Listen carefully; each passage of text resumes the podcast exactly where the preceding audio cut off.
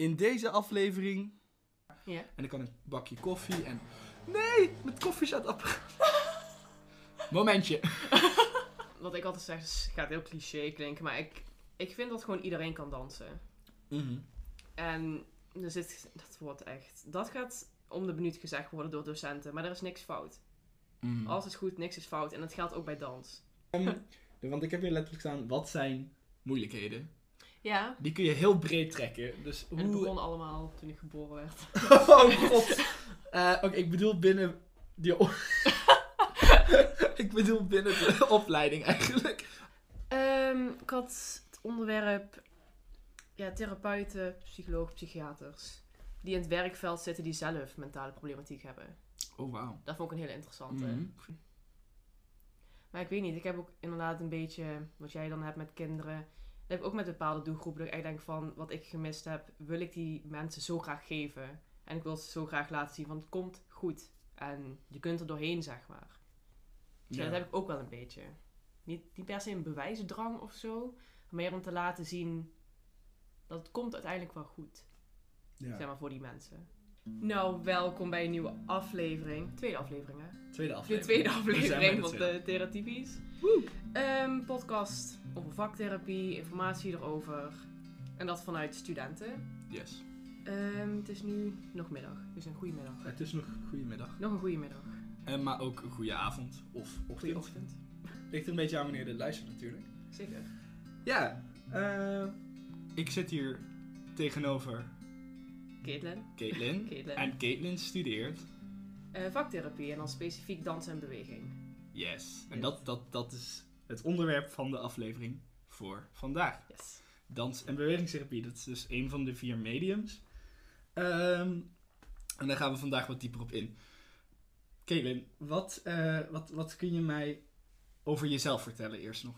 Nou, over mezelf. Eh, nou, ik ben dan dus Caitlin, ik ben 21 jaar. Eh, ik studeer dan op Zuidhogeschool. Ehm, ik Sorry, ja.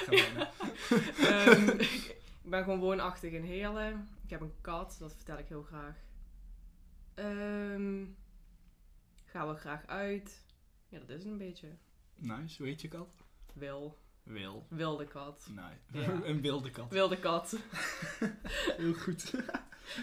Oké, nice. Ja, en eh, je studeert dans- en bewegingstherapie. Ja. Als het goed is, is dat de enigste opleiding? Ja, eh, HBO, ja, is de enige. Want jij Oh hebt ja, ook wel enige. masters. Ik ja. blijf dat steeds fout zeggen. Ja. Maar je hebt, oh, je hebt dus wel nog masters op andere locaties? of- ja, Nijmegen, Rotterdam. Die twee plekken weet ik sowieso. Maar voor de rest weet ik niet. Dus voor HBO moet je echt naar Heerlen komen als je dans en beweging Dan is hele de place to be. Sowieso.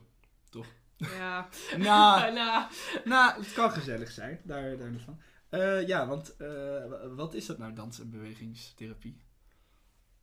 ja, ik vind het altijd zo lastig om uit te leggen. Ik weet het, Ja, ja. omdat vaktherapie sowieso in de ervaring is en niet echt in woorden. Mhm. Ehm, wat ik vaker heb meegekregen op school is het weer een connectie maken tussen ja, eigenlijk lichaam en geest. En dat dan door middel van dans en beweging. Mhm. Ehm er zijn ook meerdere onderzoeken gedaan naar dopamine, serotonine. Dat als je danst, dan maak je dat aan en dan word je heel kort door de bocht, word je vrolijker en Mhm. ja, ik zou niet per se zeggen meteen minder depressief, maar in ieder geval je kunt die klachten eigenlijk wel een soort van bijna wegdansen. Oké. Ehm, dus dat is het eigenlijk gewoon in het kort. Je hebt echt heel veel methodes en theorieën eromheen. ehm, die ook laten zien dat het echt werkt. Dus ja. dat is het eigenlijk een beetje. Is dat dan een beetje hetzelfde als... Ik heb dan een keer gelezen of gehoord van mensen die zeg maar trainen of fitnessen. Ook door in beweging te komen. Dat, Mhm. dat, ook, dat je creatiever wordt, beter in je vel gaat zitten. Ja, Is dat een beetje vergelijkbaar met wat, wat jullie doen dan? ja, eigenlijk wel. En dan gewoon meer gefocust op ja, eigenlijk dan het dansaspect. Mhm. En meer op je ademhaling en hoe je spieren werken. En ja, eigenlijk dat vooral. Ja, ik vind het echt heel lastig om in woorden Mhm. uit te leggen. Ik zou het veel liever voor willen doen, maar... Ja, dat, dat is met deze format wat lastiger. Ook, eh, we gaan ons best doen. Als er wat uitgebeeld wordt, ga ik mijn best doen dat zo goed mogelijk te beschrijven. dat ging vorige keer ook nog wel eens eh, eh, mis. Bedankt ook voor alle feedback trouwens van de vorige aflevering. We hebben het meegenomen hopelijk. Ja. Ja. En, maar goed, we hebben het over dans en beweging. Ja, want ik, ik merk dat van alle mediums, media of disciplines, Disciplines. wat we eigenlijk vanaf niet disciplines zouden moeten noemen, eh, dat ik bij dans en beweging minst een beeld heb van eh, wat jullie nou doen of hoe jullie nou te werk eh, gaan. Ja, ik vind het soms ook nog een beetje vaag. Ik ook hoor. Ja. Ik heb ook een beetje het gevoel dat dans en beweging eigenlijk het meest zweverig is. Ook al hebben wij zoveel methodes waar we Mhm. onze werkvormen en oefeningen op kunnen baseren, Toch blijft het een beetje ja, in de lucht hangen, zweverig. Ja, En is echt lastig om het te benoemen. ja. Ehm, maar ja, je kunt inderdaad dus wel koppelen aan dopamine. Aan bepaalde, hoe noem dat in je hersenen? Dat heb ik Eh. geleerd met eh, psychologie, Oh god, dat moet je mij echt niet meer vragen. Oh, dat dat weet is ik echt ook lang niet meer. geleden, man. Wat zijn dat? Neurotransmitters? Oh ja, de neurotransmitters. Ja, die dingen Ja, doorgeven. Dat wel Juist. echt te koppelen is aan die neurotransmitters. eh, die informatie doorgeven van je brein naar je lichaam. Is een redelijk eh, wetenschappelijke invalshoek voor. Is, eh, is dat voornamelijk bij jullie? Want, of zijn jullie ook. eh tenminste, je hebt het nou heel over natuurlijk de echte bio- biologische processen. Ja. Is, dat, is dat het meeste bij jullie? Want we moeten natuurlijk altijd onderzoekartikelen koppelen aan onze dingen. ja, dat is wel wat ik veel gezien heb. En dat natuurlijk ervaringen van cliënten en therapeuten zelf. Maar dan ga je Mhm. dus weer die ervaring in en niet echt... Maar dat is ook Ja. wel op zich een deel van het proces, die ervaring. Ja, zeker. Dat is eigenlijk gewoon het belangrijkste van heel vaktherapie, denk ik. De hele ervaring Mhm. en Ja. het doen. Ehm maar dan heb ik net ook zei dat creatief bezig zijn, dat het ook gewoon, dat is gewoon goed voor je. Ja, het zet iemand aan het denken, aan het werk. Het houdt iemand bezig. Het is eigenlijk gewoon een soort van mindfulness. Maar dan Ja, dat- door middel van dans en beweging of beeldend. Ja, precies. Nee, want ja, mindfulness is dan, eh, eh, daar heb ik jullie ook wel vaker over gehoord in de mixed media's en zo. Maar, ehm wat wou ik nou zeggen, bij dans en beweging heb ik altijd het idee dat dat, dat jullie, ehm, je zegt het is misschien het meest zweverig, maar Ja. toch vind ik dat, zeg maar, als jullie dat denk, delen of uitleggen, vind ik dat ja, va- ja, eh, vaak juist het concreetst, zeg maar, qua, je is altijd van, ja, we doen dit of we letten op deze spiergroep of dit is om dit Mhm. te bevorderen. En dat is vaak veel directer gekoppeld dan wat beelden bijvoorbeeld doet soms. Wat, tenminste van wat ik gehoord heb. Ja, ik weet niet, misschien ligt het ook een beetje aan de docent die we hebben bijvoorbeeld tijdens de les. Sommigen zijn iets zweveriger dan andere. Anderen. Mhm. Ehm, ja, tijdens zwemlessen, dus je, dat je je eigen medium gaat ervaren, Mhm. heb ik het gevoel dat ik echt aan het zweven ben soms. En dan ga ik denken van, wat ben ik nou eigenlijk aan het doen? Mhm. Maar het voelt wel heel goed wat ik aan het doen ben, maar ik weet niet echt wat ik aan het doen ben. Het is gewoon bewegen. Iets wat ik leuk vind om te doen. Dat is goed. Ja, goed hè? Ja, lekker gezonder. Ja. Nee, want je zegt, eh, vind ik dan wel interessant. Je zegt, ja, daar heb ik het gevoel dat ik zweef. En ehm, ik kan me voorstellen dat als je daar totaal niet mee bezig bent, dat je denkt, ja, het is toch gewoon bewegen. Het is gewoon verplaatsing. ja. Eh, maar daar speelt natuurlijk veel meer, denk ik. Oh, zeker. Van, ja. eh, waar, waar, waar letten jullie nou bijvoorbeeld op als jullie dan met een cliënt, als een cliënt aan het dansen is? Of, Oh, dat is een hele goeie, want we kunnen echt op heel veel verschillende dingen letten, inderdaad. Mhm. Ehm, ja, je kunt inderdaad gewoon op het lichaam zelf letten. Mhm. Dus hoe beweegt het lichaam? Eh, is dat heel krachtig of juist wat slap? Hangt het lichaam naar beneden of is het juist heel aangespannen overal? Mhm. Ehm, we kunnen ook op de ademhaling letten. Zit de ademhaling heel hoog? Echt gewoon bijna bij je keel of is bij je buik? Eh, we kunnen ook op de expressie letten van cliënten. Mhm. Dus ik denk dat je soms ook wel eens hebt. Dan zegt iemand iets tegen jou en dan trek je al een gezicht voordat je het weet. Ja. En dan reageert diegene eerder op je gezicht, terwijl je nog niks gezegd hebt. Van waarom kijk je zo boos? En van, en denk van, huh, kijk ik boos? ja. En dat je dat gewoon niet door hebt. En dat gebeurt best wel vaak. Ook gewoon bij mensen die ik tegenkom, ook vast wel bij cliënten. Ehm kun je nog meer op letten? Het sociale aspect. Dus hoe dansen mensen met elkaar of bewegen ze samen of is er juist veel afstand tussen de mensen. Mhm. Dus dat zijn wel dingen waar je eigenlijk allemaal op kunt letten. En dan heb je eigenlijk nog hele observatiemethodes. Zoals Laban, eh, laatst al heel erg over Kestenberg. Maar die zijn echt heel complex. En ik ga het niet allemaal uitleggen. Nee, dat hoeft zeker Want ook dan niet. zit ik hier ehm, om één uur nog. Dus Nou, ja, ja, waarschijnlijk waarschijnlijk wel. wel. nou ja, nee, maar sowieso, als, wat je nu benoemt is eigenlijk al zoveel meer dan alleen maar dansen en beweging. Like ademhaling en...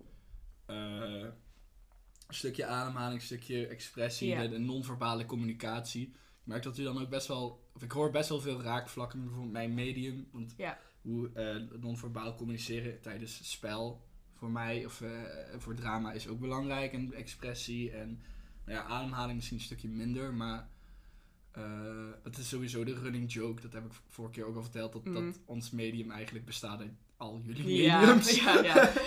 Dus eh, op dat soort stukjes kan ik jullie medium dan heel goed snappen. Mhm. En dan, eh, maar wat ik dan bijvoorbeeld heel interessant is, dan dat ieder, iedere medium heeft het over zijn eigen proces, weet je wel. Het is een proces waar je doorheen gaat. En dat vind ik dan bij jullie, kan ik me daar het, het minst bij voorstellen. Hoe ziet nou over een paar weken bijvoorbeeld zo'n dansproces uit? Oeh, ehm, ja, dat is bij iedereen natuurlijk heel verschillend. Eh, wat het bij mij vooral was, ehm ben ik even aan het denken, wat een goed voorbeeld. Eh, ik had heel veel moeite met aanraking en echt dicht bij mensen in de buurt komen. Mhm. Ehm, en door middel van dans en denk ook deels wel speelsheid, lukt het mij nou echt gewoon om dicht bij mensen te zitten, mensen aan te raken en zelfs echt gewoon contactimprovisatie, dus echt samen met zo'n persoon dansen. Oh, wauw. Dus ja, en dat gewoon allemaal door dat medium. Dat, dat, dat was voor mij echt een heel duidelijk proces van geen aanraking naar nu gewoon ja, aan mensen kunnen Dat zitten, zeg maar. Ja. Dus ja. Oh, wat mooi. ja, dat vond ik wel echt iets dat ik dacht van wow, dat heb ik gewoon bereikt door middel van dans en beweging. En dat, dan denk ik van ja, het, het werkt gewoon. Ja, mooi. Want Ja. ik, ik- wat je net aanhaalde van die, die weerstand om mensen aan te raken Mm. bijvoorbeeld. Ik denk om daarop in te haken van eh, überhaupt weerstand. eh, ervaar je wel eens zeg maar weerstand naar jouw medium toe? Van, eh, bijvoorbeeld als ik denk aan de uitwisselingen tussen onze disciplines. Dan voel ik altijd het meeste weerstand bij dans en beweging. Omdat ik, omdat ik dans zelf bijvoorbeeld niet heel graag. Mhm. En dan denk ik, oh god, dan moet ik hier dadelijk allemaal dingen gaan doen die ik niet kan. En ik kan Ja. geen ritme houden en dit en dat. En dan, eh, dus ik denk bijvoorbeeld dat danstherapie ook een, een, een, een eh, eh, hoe noem je dat? Contra-indicatie zou zijn voor mij. Ja. Oh, dat is wel leuk. Ook, we hebben feedback gekregen dat elke keer dat wij termen dropten de vorige keer, dat we niet altijd Ja. goed uitlegden wat het nou betekende. Dus daar gaan we ook proberen meer te doen. Contra-indicatie is, we moeten dus normaal indiceren, een indicatiestelling maken waarom ons medium of vaktherapie dan geschikt is voor een cliënt met Ja. een probleem. En een contra-indicatie is dan, Waarom het niet geschikt zou zijn. Of waar we bijvoorbeeld op moeten letten binnen ja, het medium. Dus bijvoorbeeld als stel ik heb nou vaktherapie nodig. En, en, en eh, gaan kijken, oké, welk medium kunnen we hem het best eh serven? Mhm. En dan staat er in mijn profieltje van, ja, houdt niet zo van dansen of kan geen maat houden. Mhm. Dan zou muziektherapie en dans en beweging bijvoorbeeld, zou dat mee moeten nemen in hun behandelplan. Van, Ja. oké, hij heeft moeite met ritme houden, hij is niet zo goed in... Het is wel grappig, want ik doe wel heel veel bewegingstheater. Ja, Maar echt dansen, dat... dat eh, maar dat neem je dan mee en daarin. En dan... klopt. En dan let je daarop. Hebben jullie daar wel eens een soort van zoiets gehad? Of daar, hebben jullie het daar wel eens in een les over gehad? Wat je dan doet met cliënten? Of die heel veel weerstand voelen, bijvoorbeeld in het eerste, in het begin van het proces? Ehm, nou, we beginnen sowieso niet meteen met, weet je wat, als we helemaal een solo moeten gaan doen of zo, in een eentje. Dat, Mhm. Of dat ze echt helemaal moeten gaan dansen of een voorstelling moeten gaan geven voor ons. Dat is iets wat we dan gewoon absoluut niet doen. Ehm, ja, dan zouden we dan gewoon opbouwen in stappen. Misschien Mhm. met kinderen dat meer op een speelse manier gaan doen. Dus wat dansspelletjes, zoals heel droog de stopdans of iets van een soort van stoelendans of zo Mhm. of een oversteekspel, dan zijn ze nog steeds wel aan het bewegen. Maar het is niet Mhm. per se de grote stap naar dansen. Want Mhm. ik kan me wel voorstellen dat ja, iemand die nooit gedanst heeft, die dan opeens moet gaan dansen, dat het heel zwaar kan zijn. Ehm, dus ja, daar wel makkelijkere werkvormen voor. Een bal overgooien eh, kan ook wel bij dans en beweging horen. Dus dan zou het gewoon wat simpelere werkvormen zijn waar ze wel in bewegen, maar niet per se in hoeven te dansen. Ah, oké. Ja, want ik hoorde bijvoorbeeld bij de uitwisseling van vorig jaar, toen was ik zelf ziek. Ja. Maar toen hoorde ik dat jullie iets met hoepels gedaan hadden. Klopt. Klonk wel heel cool. Ja, we, ehm, even denken. Ja, het drama moest dan de handen vasthouden. Mhm. En je moest dan hoepels doorgeven zonder die handen los te laten. Oh, oké. En dan werd het steeds wat moeilijker. Dus dan moest ze met de ogen dicht. Ze mochten niet meer communiceren. Er kwam een hoepel bij die de andere kant op ging. Mhm. Of ze moesten met de ruggen naar elkaar toe Eh, of er kwam een bal bij die ze moesten overrollen. Dus dat was eigenlijk ook geen dansen. Maar ze waren wel constant in beweging en in contact met elkaar. Ja, wat natuurlijk een heel belangrijk aspect is van, van jouw discipline, denk ik, toch? Ja, zeker dat contact, ja. Ja. Ja. Heb je dan ook wel eens... ehm, wij hebben het binnen het theater soms wel eens over mise en scène. En dat is een stukje compositie. Mhm. Hoe zet je iemand... van- Als je iemand heel erg hoog zet en de ander laag... Dat zegt veel over de verhouding tussen twee. Ja. Spelen jullie daar ook wel eens mee met verhoudingen? Als één persoon helemaal aan de andere kant van de zaal staat en dan hoeveel ruimte neem je in? Of als de een heel laag is en de ander heel hoog? Zijn dat dingen waar Ja. jullie mee werken? Ja, daar hebben we zeker wel mee gewerkt. Eh, want inderdaad, als iemand op de grond moet dansen en iemand danst heel hoog, kan dat heel intimiderend zijn voor degene die op de grond zit. Mhm. Maar het kan ook heel helpend zijn als bijvoorbeeld een onzeker iemand binnenkomt en die laat ik hoog dansen en ik laat mezelf laag dansen. Dat hij dan misschien denkt van, oh ja, dit voelt het eigenlijk ook wel goed zo. Ik heb- ik krijg wat meer zelfvertrouwen hiervan. Ik voel me groter. Of en ik ben ook letterlijk groter. Mhm. Eh, dus op die manier, en inderdaad met afstand en nabijheid. Daar hebben we ook heel veel mee geoefend. We hadden zo'n werkvorm, dan moest je naar elkaar toe lopen. Mhm. En degene aan de andere kant mocht stop zeggen. Of dat ze dichterbij mochten komen. Oh ja. Ze mochten dan met hun hand aangeven. Dus letterlijk gewoon een stopteken of Mhm. zwaaien dat hij mocht komen. Ehm, en dan mocht je ook rebels zijn. En als diegene dus zei, je moet stoppen, dan mocht diegene doorlopen of niet. Oh. Dus zo oefen je dan met afstand nabijheid, maar ook met ja, de leiding nemen, of niet? Zeker, ja. Want de Ja. leiding nemen binnen dans is natuurlijk ook nog... Ja, ik zeg wel Dat trouwens ding. dans, maar ik bedoel natuurlijk niet alleen maar dansen, maar ook gewoon beweging. Maar ik Ja. noem dat steeds dans. Ja, is gewoon makkelijk. Eh, ja, precies. Dus, maar ik bedoel ook gewoon bewegingsoefeningen. Maar binnen beweging heb je natuurlijk ook een, een leidende eh, ding. We hebben bijvoorbeeld een, een eh, werkvorm dat heet spiegelen. Ja. En dan, ja, jullie zullen die ook wel hebben, dat je elkaar Ja. dus spiegelt. Maar daar is vaak ook, nou ja, dat kun je afspreken of je kan het laten ontstaan. Ja. Maar daar is meestal ook wel een leidend persoon in. En, en gebruiken jullie dat dan ook wel eens om cliënten te... Heel vaak. Wij maken heel veel gebruik van spiegelen. We hebben soms ook wel eens, dan zitten we op een bepaalde manier. En dan heeft een van onze docenten erover en ik ga precies hetzelfde zitten als een van ons. En wij denken echt van, Haha, oké, fijn. see what you're doing there. Ja, maar daarmee willen ze inderdaad wel gewoon duidelijk maken dat zoiets spiegelen Mm, eigenlijk gewoon best wel impact kan hebben op iemand. ja. Ja, en dan met docenten is misschien een beetje zo van, inderdaad een beetje ongemakkelijk van, oké, hoi. ja. Want- Fijn dat je me nadoet. Ja, want waarom zou je spiegelen inzetten? Ehm, nou, misschien ook om de bewegingskwaliteit van de cliënt zelf te voelen. Mhm. Dus om zelf na te gaan, hoe voelt het als ik die cliënt nadoe? Oh. Wat voor gevoel krijg ik dan? Ehm, en inderdaad misschien de cliënt ook een ander gevoel meegeven. Want we kunnen het heel speels inzetten. Dat we bijvoorbeeld ook met tijd gaan spelen. Dus dat we heel snel gaan stampen en dan opeens Mhm. stoppen. Dat kan weer een beetje voor humor zorgen. ja, Dus een soort spelelement. ja, inderdaad. Dat spelelement. Dat gebruik ik zelf ook best wel graag. En het Ja, werkt tof. ook gewoon heel goed. Ja, want je eh, dat- viel ineens, je zegt zo, ja, dan, dan kunnen wij de kwaliteit voelen van hun beweging. Mhm. En dan, ik heb het idee dat, dat je dat dan ook wat dichter bij je cliënt brengt. Of dat je hem wat beter kan begrijpen. Ja, eigenlijk gewoon ja, beter aanvoelen. Bijna Ja. of zo. Van, ja, als iemand heel, helemaal zo voorover hangt met de schouders helemaal vol van ik ga dat ook doen, dan krijg ik daar een bepaald gevoel bij. En dan kan ik bijvoorbeeld aangeven, wauw, ik voel me nou wel echt ja, een beetje slap of zo. Heb je dat gevoel ook? En dan Ja. is het wel vaker, tenminste dan als ik met klasgenoten oefen, van ja, inderdaad, dan voel ik me ook een beetje slap als ik zo hang. Ja. Dus dan, Dus je zit niet duidelijk met je schouders heel erg naar voren. Met een eh, kromme rug en eh, hoofd naar beneden gekeerd. ja, gewoon helemaal hangen. Ja, echt Ja. heel futloos, zeg maar. Ja, ook heel slecht voor je postuur, denk ik. Dat ook, dat is niet goed voor Ja. je. Want Ik heb, ik heb daar nog een tweede vraag over dan, maar daar haak ik zo op in. Want mijn andere vraag was, kan dat dan andersom ook werken? Dat als jij dan zegt, jij gaat mij nu spiegelen en jij doet heel erg open en eh, stevig op je schoenen staan, bla bla bla, dat soort dingen. Dat de, kan de cliënt, dat, kan dat een positief effect hebben dan?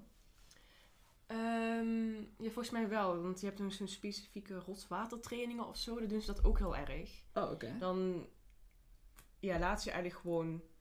Ik weet, ik had het ook met een klasgenoot gedaan. Dat is eigenlijk een hele goede oefening daarvoor. En die was gewoon rondlopen. En op een gegeven moment zei hij... Oké, ga nou echt zo breed mogelijk lopen. Dus echt met je, je borst naar voren, schouders breed. Echt als een kast, zeg maar. Oké. En dan gingen we zo rondlopen. En dan, ja, je, je wel een beetje lachen, weet je wel. Je ziet iedereen Ja. zo lopen.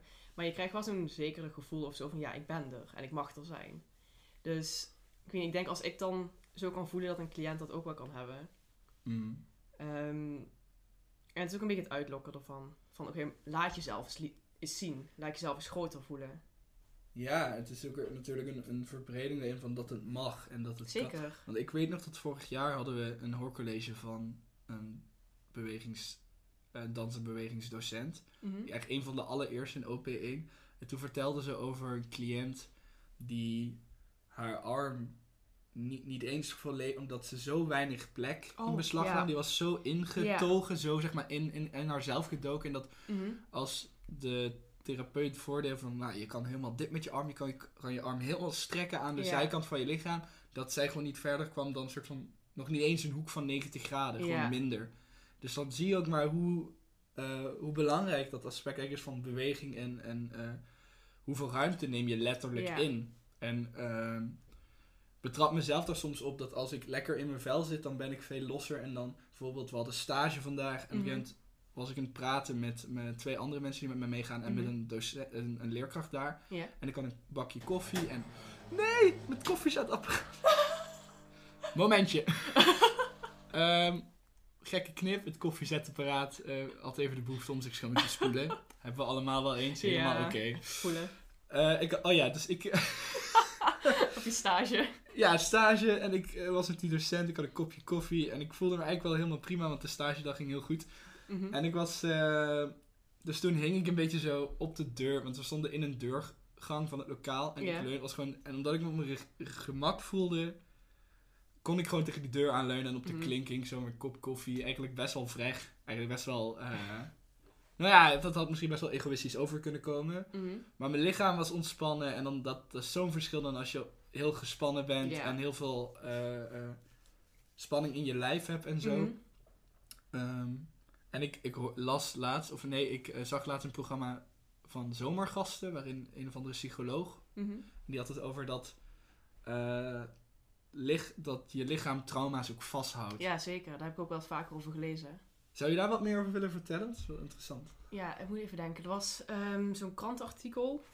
Die ging erover dat trauma inderdaad ook in het lichaam blijft zitten. Want we hebben het inderdaad heel vaak over mentale problematiek. Maar dat Hm. zit niet alleen in je hersenen. Dat zit overal in je lichaam. Dus bijvoorbeeld ook als je een angststoornis hebt, dan ben je vaker aangespannen. Dat is vrij Mhm. logisch, want je zet je schrap voor gevaar. En dat is ook weer vermoeiend dan. Ook zeer vermoeiend. En dat gaat ook weer, ja, ik wil niet per se verkeerd zeggen, maar je ademhaling gaat dan ook weer anders. Gaat ook Mhm. weer hoger zitten. Raak je sneller uitgeput, echt vermoeid. Ja. Ehm, en inderdaad terug op die trauma. En dan bijvoorbeeld mensen die eh, een traumatische stoornis hebben, die kunnen nog wel eens snel in het vechten en vluchten vliegen. Dus dat hun lichaam eigenlijk al eerder reageert dan hun brein. Dus ze staan eigenlijk al klaar om te vechten, omdat iemand misschien schreeuwde of zo. Oh, En daarna worden ze rustig van, oh, er is niks. Dus heel Wow, apart dat het lichaam eerder reageert dan eigenlijk ja, Ja, je hoofd. is echt een soort primitieve schakel bijna. Ja, ja, klopt. Want je hersenen bestaan, of tenminste waar wij over gehad dat er drie, we zeggen, soorten hersenen zijn. Oh Je hebt dan gewoon het reptiele brein, zoogdieren Ja, en zeggen. het mensenbrein. En, jouw reptiele brein, daar zit volgens mij angst in. en dat is dat kleinste stukje toch helemaal in het... Ja, dat is, is dat het wat het eerste ontwikkelt? Eh, dat weet ik niet, maar volgens mij staat wel het stukje in, zeg maar, het, ja, nee, ik weet niet perfecte plaatsing, maar wel het Mhm. eerste, het kleinste, en dan Ja, komt daar het daar dingenbrein overheen, en dan, ja. Dan de mens. En ja, dus jouw reptiele brein gaat eigenlijk al aan voordat je het eigenlijk door hebt. En jouw lichaam reageert dan. Wow, ja. Ja, dat is ook echt die fight-flight eh, waar je het over had. Ja, dat. Dat gebeurt ook, dat Ja. mensen soms eerst uithalen als ze schrikken en dan pas denken, oh, Nadenken. Ja, wat heb ik gedaan? dat was niet heel slim. Nee. Ja. Ja, het is vet dat het zo werkt. Ehm, ik wil eigenlijk terug op, inhaken op die vraag die ik nog had, maar ik ben Mhm. hem vergeten. dat dacht ik eigenlijk al dat je die zo vergeet. Ja. Misschien komt hij nog. Ehm, eigenlijk hebben we het al heel veel gehad over. Ik heb hier die vraag staan van hoe werkt dans- en bewegingstherapie. Daar hebben we het eigenlijk al heel veel over gehad. klopt. Ehm, en de volgende vraag is, eh, gaat over stereotyperingen Mhm. van space. We hadden de vorige keer heb ik het gehad met Willem over like, stereotypering van gewoon in ons algemeen, ons vak therapie. Ja. Maar zijn er, ik vroeg me af, zijn er dan ook die je specifiek hoort voor dans en beweging? Ehm, wat ik wel vaker hoor, of als ik het uitleg wat dans- en bewegingstherapie is, ja, ik ga toch niet dansen? ik kan niet dansen, waarom zou ik gaan dansen? Mhm. En denk van, ik ben heel blij dat ze beweging erachter hebben geplakt. Ja, Maar nog steeds blijft bij mensen heel erg dat dansen plakken. Ja, ik ga niet dansen, ik kan niet dansen, waarom zou ik gaan die dansen? weerstand. Ja. Ja, heel erg die weerstand. En ik, vind dat zo zonde, want het is zoveel meer dan alleen dans. En het, is, het werkt ook gewoon zo goed. Misschien is het ook weer een beetje stiekem reclame maken voor dans en beweging. Maar het, het werkt gewoon echt heel goed. En ik vind het zonde als mensen het wegduwen vanwege het stukje dans. Mm. Want het is veel meer dan dat. ja. Dat hoor ik het vaakst. Ja, ga toch niet dansen. Ja, en, en eh, hoor je dan ook wel eens gewoon kritiek op het feit dat je dat studeert, zeg maar? Als gewoon als een beroep zijnde? Ehm, nee, dat eigenlijk niet zozeer. Oké, dat is wel fijn. Ja, mensen vinden het wel iets interessants, maar dat, dat dansgedeelte, dat vinden ze niks. Vaak. En dan denk je van, nee, ik ga niet dansen. Ja, jammer eigenlijk. Ja, ik, vraag me dan af wat ze voor zich zien. Alsof we ballet gaan doen of zo. Ja, ik denk dat dat ook de grootste boosdoener is. Dat mensen gewoon niet zo'n duidelijk beeld hebben van wat dat dan is. Ja, dat denk ik eigenlijk. Maar dat is bij Alle, disciplines wel. Ja, want bij ons denken ze ook van, oh, dramatherapie. Ja, ik ga toch geen toneel spelen. Ik ga toch Ja. geen, dan moet ik een rol en tekst gaan leren. En, maar het is geen productie, jongens. Wij doen ook gewoon balspel. Ja, maar dat is het eigenlijk Dat- met alles. Ja, precies. Niks. Bij muziek is het ook niet dat je de sterren van de hemel moet... eh, ja, Je gaat geen, ja, misschien bij sommige werkvormen wel, maar je gaat niet iedere keer liedjes schrijven of zo. nee. Volgens mij is dat wel echt een methode van zo'n songwriting. Maar dat, wel. dat is echt voor een hele andere episode. Ja, ja, ja. Anders gaan we echt dwalen. Dus, maar oké, dus het valt wel fijn dat er dan... Buiten dat dansding, dat er dan verder niet zoveel stereotyperingen zijn. En niet wat ik zo heb meegekregen eigenlijk. Dat is Of ik negeer het gewoon, dat kan ook. Dat kan ook. Niet dat ik weet. channeling het Ja, uit. precies, weg. weg. Weg met de negatieve energie. Nee, maar juist fijn dan. Ehm, ja, dit is ook een goede vraag. Eh, hoe ben jij dan uiteindelijk bij vaktherapie beland? Dat komt eigenlijk door een vriendin van mij die studeerde dramatherapie in Nijmegen. Oh, wauw. Ehm, het was van, ja, ze was er, praatte er heel goed over en zo. Het was heel nieuwsgierig. Want ik heb wel altijd interesse gehad eigenlijk in de mens zelf en in Mhm. mentale problematieken. En ik heb gewoon 13 jaar gedanst. Dus ik dacht van, wauw, oké, dat kan wel echt geweldig zijn. Komt eigenlijk. mooi samen Precies, zich. het Ja. komt mooi samen. Ehm, ja, ik woonde zelf dan eerst eerder in Nijmegen in de buurt, maar daar hadden ze alleen psychomotorische therapie. ja. Ehm, en toen zag ik dus inderdaad een heel die dans en beweging. En toen dacht ik van, oh wauw, dat is echt precies eigenlijk gewoon wat ik wil. Want ik ben gaan kijken, het is gewoon, ik vind het sowieso een mooie school. En ook wel een klein schooltje, het is niet zo groot als bijvoorbeeld de Han in Nijmegen. Dat Zo, vind ik ja. eigenlijk ook wel weer fijn. Ehm, en heel is ook niet zo duur qua wonen en zo. Zeker niet. nee. Nee. Echt niet. Ehm, dus ja, en dat, ja, dat psychomotorisch was eigenlijk net niet wat ik wilde. Dat, Ja. dat, nee, dat is dus echt inderdaad gericht op wat het eigenlijk al zegt, motoriek en zo. Mhm. Maar ik wilde echt gaan dansen, zeg maar, echt het dansen. En, Ja, want psychomotorisch is dan... Daar weet ik denk ik echt het allerminst over. ja. Like, kun je nog iets uitbreiden over het verschil tussen deze twee? Want jullie liggen wel volgens mij redelijk nauw langs elkaar, denk ik. Of niet? Of zie ik dat compleet fout? Ehm, ja, ik weet zelf ook niet superveel van psychomotorisch, maar het zit eigenlijk al een beetje in de naam, dus psychologisch en motoriek. Aha. Ehm, wat ik, ik heb wel eens afbeeldingen van gezien, ik weet niet of die correct zijn. Maar dat mensen echt in een gymzaal, zeg maar, oefeningen aan het doen zijn. ehm, niet per se aan het klimmen zijn, maar... Ja, gewoon oefeningen op Dat het bijna meer, gymzaal dingen, zeg maar. meer fysio-achtig dan. Ja, zo, zo leek het. Ik weet niet of het zo is. Ja, ik ook Ehm. niet trouwens. We zijn, We zijn- wij zijn ook maar aan het speculeren nu over. Ja, precies. Maar dat is wel, een, eh, het is wel interessant dat je benoemt van... Oké, ik had ook psychomotorisch kunnen gaan doen. Mm, Maar ik kies voor dans, want ik wil breder, denk ik dan. ja.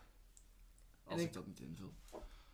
Er was ook nog een andere vriend op de middelbare, die had daar zeg maar, ehm, die wilde ook naar Nijmegen, maar die was toen afgewezen omdat het een hele strenge, ja, test is of zo, wat je moet doen.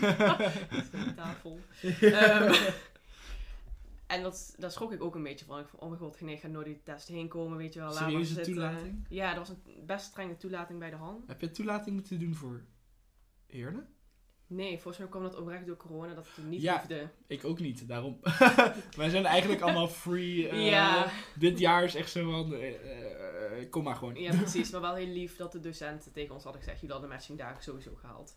Oh, dacht, dat is zo lief. fijn om te horen, ja. Ja. Oh, dat heb ik nooit gehoord. Oh. nee, jawel, maar we werden ook wel eh, geïnterviewd door onze docenten van wat verwacht je en bla bla bla. Oh nee, ja, ik heb het gewoon niet gedaan. Echt? Nee, ik heb Nee, gewoon ik moest wel op-. Echt waar? Ja. Ik moest echt op gesprek over van, ja, wat denk, hoe denk je dat een dag als vaktherapeut eruit ziet? Wat? niet. Ja, ik was er bij een Eh. open dag geweest. Ja. En dan kon je inderdaad bij zo'n toelatingsding naartoe gaan. Ik heb dat gewoon niet gedaan. Ik had, er Oh. geen, ik had daar geen zin in, dus Nee. ik ben wel naar huis gegaan. Je hoort het, lifehack. eh, Ja, gewoon niet komen en wel niet aan- gaan. niet gaan, wel aanmelden. Ja. nee, dat is echt heel slecht advies eigenlijk. Nee, maar weet, ehm, ik, zou, nou ja, ik zou wel eigenlijk aanraden om wel te gaan. Niet omdat ik obligated ben om dat te zeggen. Mhm. Maar nou ja, toen ik dat gesprek had en ze stelde die vraag hoe ziet het eruit? Ik zo ja, ik weet niet, ik sta op en ik ga naar werk. En dan geef ik drie à vier sessies of Ja. zo, weet ik veel. Denk dat dat al redelijk hoog gegrepen is. En dan ga ik naar huis en dan schrijf ik wat dingetjes op. En dan paas ik dat door naar de psycholoog. En eh, Mhm. ja, dat is het zo'n beetje. Oh, wauw. En toen was mijn docent echt zo van, ja, ja, oké, oké. Maar er zit echt veel meer ad- ad- administratieve... eh, je moet een heel behandelplan opstellen. zeg maar, veel meer wer- typewerk in. Je moet dat allemaal... Je hebt overleggen met andere Mhm. Ja, mediums of andere, zeg maar, inter- interdisciplinaire overleggen. Dus daar komt echt wel veel meer bij kijken. En dat was wel een goede wake-up call van, oh ja, heb ik daar wel echt zin in om dat te Mhm. gaan doen? Ja. Dus ik zou wel gaan, omdat ook dat soort dingen waar je dan misschien zelf nog niet zo over nagedacht hebt, voor potentiële studenten. eh, ja, ik vind het eigenlijk gewoon sowieso verstandig om te doen. Om echt te kijken, oké, ben ik geschikt, ja of nee. Want Sluit het bij je aan. Precies, Ja, want sommigen moeten ook echt gewoon verhuizen. Vanuit heel ver van Nederland. ja jij bent een klasgenoot die echt helemaal uit het noorden komt, toch? Twee uit Noord-Holland. Ja, zo. Ja, Ja, dat is dan ook wel een investment. Dat je precies. moet, eh, En denk van ja, verhuizen dat was voor mij wel wat moeite vond ik eigenlijk. Ik dacht echt van, poh, helemaal verhuizen, kamer inrichten. ja, het is gewoon eh, het is letterlijk bijna een nieuwe stap in je leven of zo, denk ik. Dus Ja, dan maar moet die opleiding daar wel dat waard, dat waard zijn of daarop aansluiten in ieder geval. Precies. Maar uiteindelijk was het waard, dus... Gelukkig, ja. Goed dat dat, dat, dat het allemaal goed gekomen is. Want ja, eh, het is zo grappig hoe ik altijd hoor van iedereen, hoe iedereen op zo'n andere manier bij deze opleiding terechtkomt. Ja. Want eh, ik heb ook mensen die gewoon zo'n studiekeuzecheck eh, s- op de site hebben ingevuld en Oh. daarna kwam vaktherapie uit. En die zijn dat ook gewoon gaan doen. Ik denk, Oh, wauw. denk echt, wow, dat is zo goed. Nee, maar ik wist nog op de middelbare deed ik ook van die testen. Vaktherapie is er nooit uitgekomen. Ik heb Ik- er nooit... Ik iets- wist ook niet dat dat überhaupt bestond, maar Nee, ik had er nooit iets van gehoord. Nooit mensen die een presentatie erover gaven op de middelbare. ja. Ik was echt van, oh wow, dit bestaat. Echt vet. Ja, maar daarom gaan wij nu ook profileren. hè. Wij, Dat gaan moet, gewoon- Ja, dat moet. wij gaan als dit jaar, heb ik het idee, gewoon keihard werken om vaktherapie Ja, gewoon zeker. bekender te maken. Dat moet ook gewoon. Maar wij zijn ook gewoon een heel leuk jaar. Dus. Zeker. Andere jaren zijn ook leuk, maar wij zijn de maar wij zijn heel leuk. Wij zijn superleuk. Oh, wat erg. Nou ja, goed. Tenminste, dat is hoe ik me erbij voel. ja, dat is onze mening. Eh, dat is onze mening. Eh, ja. Maar dat is een mooie, mooie segue into the next question. Ja. Ehm, want de volgende vraag is van, hoe is het dan ook om te studeren? En dan sp- spits ik het even toe op specifiek, hoe is het om dans en beweging te studeren? En Mhm. dan daarnaast, hoe is het gewoon om op Zuid te studeren? Oké, ehm, even kijken. Eerst dans en beweging. Ehm, het kan soms, tenminste, anders zeggen, ik vond het soms best wel zwaar om te doen. Ehm, zeker omdat het best, inderdaad, het is gewoon veel beweging. Ehm, en ik heb soms gewoon heel erg de concentratie nodig om echt te gaan focussen op mijn ademhaling. Omdat ik daar gewoon niet goed in ben. Mhm. Dus dan moet ik me echt daartoe zetten van, oké, nou, focus even op je ademhaling. Ga ermee aan de slag. Ehm, dus die aspecten vind ik wel moeilijk aan. Mhm. Wat ik echt super leuk vind wel, is dat ik gewoon een super leuke klas heb. We zijn heel hecht met elkaar. Het is altijd super gezellig.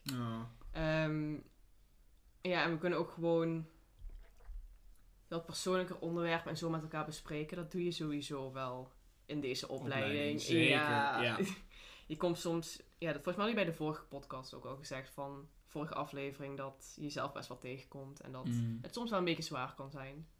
Ja. Ehm, maar toch vind ik het ook wel weer een soort van mooi of zo dat ik mezelf leer kennen of zo. Dan Mhm. ben ik bezig met dans en beweging en dan denk ik van, oh ja, hier komt het vandaan. Want ik heb veel spanning in mijn schouders en daarom ben ik niet zo los. Of zelfs tijdens de presentaties denk ik echt van, oké, even buikademhaling. Je kunt het wel. En dan weer verder gaan met praten. Dus Ja. daarin helpt het ook wel erg. Ja, met presentaties op school Ja, helpt dat, heel erg. veel. Ja, dat we zeker dit jaar. We zitten nu in eh, week vijf, zes, vier. Nee, vier of vijf. vier of vijf pas. Wacht, in week drie hebben we de eerste stage gehad. Dit was de tweede stagedag, dus week, Week vier. vier. Oké. En we hebben nu al echt al vier of vijf presentaties moeten geven. Maar. Dus daar kun je lekker naar uitkijken. Maar het, Ja. het is wel fijn dat je dan zegt, oké, ik heb binnen deze opleiding krijg ik wel handvaten voor ook dat soort dingen. Ja, je krijgt oprecht gewoon handvaten voor stress. Ja. Voor de en- en die je van school krijgt. die je weer, die weer doorpassen. ja. Ja. nee, maar ze, en eh, wat je net zei over van, eh, wat we in de vorige podcast of eh, aflevering ook zeiden van, je komt jezelf tegen. Ik Ja. had daar ook nog over nagedacht en het is ook wel, ik denk dat je in elke opleiding jezelf op een gegeven moment wel tegenkomt. Mhm. Ik denk dat het fijne is aan onze opleiding dat daar één ruimte voor is en twee, dat je daarin begeleid kan worden wanneer dat zo is. Ja, zeker. Het is gewoon een veilige omgeving eigenlijk. En ook, ook met je medestudenten Zeker. bijvoorbeeld. Want ik, Ja. had, ik had bijvoorbeeld na mijn eerste stagedag was ik vet overprikkeld en heel, Mhm. eh, helemaal ontregeld. En eh, toen kon ik dat gewoon even venten bij klasge of bij medestudenten. Mhm. En toen voelde ik me daar zoveel beter, omdat je dan daar ook gewoon voor elkaar bent en iedereen snapt het. En, en ik denk dat, dat je een soort van hele fijne sfeer creëert met z'n allen. Ja, zeker. Eh, maar dat is mijn beleving. Even terug naar jou natuurlijk. Mhm. Eh, je zegt het, zijn ook best wel, het is best wel intensief, want je bent natuurlijk heel veel aan het bewegen. Ja, nou vind ik het nu in de tweede jaar wel wat meevallen. Ehm, even denken. Ja, het is vooral dat ik nou merk in de tweede is heel veel zelfwerkzaamheden. Dus ik ben heel veel op mezelf aan het bewegen, zeg maar. En niet per Mhm. se als de hele kast daar constant bij is. Mhm. En bij de eerste hadden we gewoon... Hoeveel mediumlessen hadden we? Veel. Veel. ja, wel, vier of zo kan dat? Ja. Ja, en dat was soms gewoon best veel beweging. Al helemaal als je bijvoorbeeld heel veel achter elkaar had. Had, ja, veel Dus meer. van drie achter elkaar dan denk ik ook van... Oh, ik wil eigenlijk heel even naar huis. Ja, en, even zeker- slapen. en nu zijn de lessen twee uur, de mediumlessen. Is dat een beetje Ja. te doen? Ja, dat vind ik eigenlijk wel te doen, ja. Lekker, oké. Wat ik ook wel fijn vind, is dat gewoon met dansbeweging, eh, gewoon het doen ervan. Want Mm. ja, we praten er wel eens over, maar met het doen leer ik zelf veel meer. Meer, ja. Ja. Dus dat vind ik eigenlijk wel fijn dat er nou gewoon al die mediumlessen twee uur zijn. Want dan kun je ook wat praten, maar ook veel doen. Ja, Dat vind ik wel fijn. ja tof. En, en eh, kom je dan ook altijd naar school? Ja, ik weet hier het antwoord op, maar kom je, kom je dan ook altijd naar school in like, sportkleding of bewegingskleding? Of hoe, hoe zit dat? Zeg maar voor potentiële studenten van dansbewegings die denken: oh god, maar dan kan ik geen goede outfits aan naar school. Want ik moet de hele dag zweten en bewegen in een gymzaal of in een danszaal. Ja, Hoe, hoe zit dat? ik weet niet. Dan moet je eigenlijk gewoon een beetje scheid aan hebben.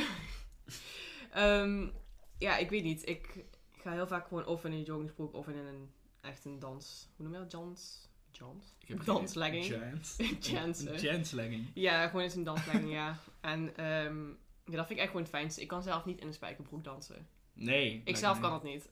Dus ja, dat is gewoon een tip. Neem dat altijd gewoon mee als je mediumlessen hebt. Als je er mooi uit wilt zien, doe dan gewoon een legging in je tas. Maar je mag dat ook is ook slim, ja. Het is gewoon prima. Dansen jullie altijd op dansschoenen of hebben je sokken? Of, vertel- altijd op sokken. Dat is nog wel een tip. Neem altijd extra paar sokken mee. Want Kijk. de danszaal is ijskoud. Ja? Ja. Oei, oei, oei. Oh, vorig jaar hebben we daar zoveel over geklaagd. En er kwamen telkens mannen binnen die gingen dat fixen. En dan deed het nog steeds niet. En dan was het gewoon ijskoud. Maar we hebben ook dekentjes Ah. en zo liggen. Dus dus de meiden, er zijn een paar die zijn aan het dansen, de rest zit met dekentjes om. Ja, als als een soort het observeren Eskimo's zijn. aan het observeren. kun je lekker dekentjes en kussentjes pakken. Oh, wat leuk. Ja, want we zitten wel altijd op de grond. Oké. Kussentjes. en Jullie hebben, oh ja, jullie hebben geen... Ja, ik hoorde... Was, eh, ik weet niet of jij dat was die me dat vertelde, of eh, een klasgenoot van jou. Mhm. Of dat jullie bij het blok ouderen kwamen. En dat jullie toen dans of werkvormen gingen doen op stoelen. En dat jullie als groep een beetje waren van... We kunnen op stoelen zitten? Ja, heerlijk! Wat? is deze uitvinding? dat was echt fantastisch. Ja, dat was echt fijn. Wat goed. Soort van opluchting bijna. Stoelen. Ja, want dat is natuurlijk ook nog wel redelijk eh last. Ik dacht al, oké, ik kan met drama al helemaal niks met ouderen. Maar dat lijkt me Zeg maar in eerste instantie, Ja. hè? het is niet waar. Dat maar hadden wij ook een beetje. ik dacht met dans al helemaal, want ouderen zijn niet zeg maar de meest mobiele Mhm. eh, doelgroep. Eh, zou je daar wat meer over willen vertellen? Ja, we hadden toen inderdaad zo'n eh, gastcollege gehad. Twee volgens mij. En die was echt super leerzaam. Want toen hadden we inderdaad dat we op stoelen gingen zitten en daarop gingen dansen. En dan was de therapeut die ging dan bijvoorbeeld in die cirkel dansen. En ik moet toegeven dat het voor mij heel lastig was om gewoon niet al te veel bewegen, gewoon stil te zitten. Mm. Maar ja, dat kun je ermee doen. Eh, je kunt ook met aanraking werken bij ouderen. Oh ja. Dus als ze bijvoorbeeld een arm niet omhoog krijgen, dan help je ze daarbij. Ehm, Oh, oké. Even kijken, wat kun je nog meer mee doen? Want wat moet ik me voorstellen bij dansen in je stoel? Oh, hoe ga ik dat uitleggen?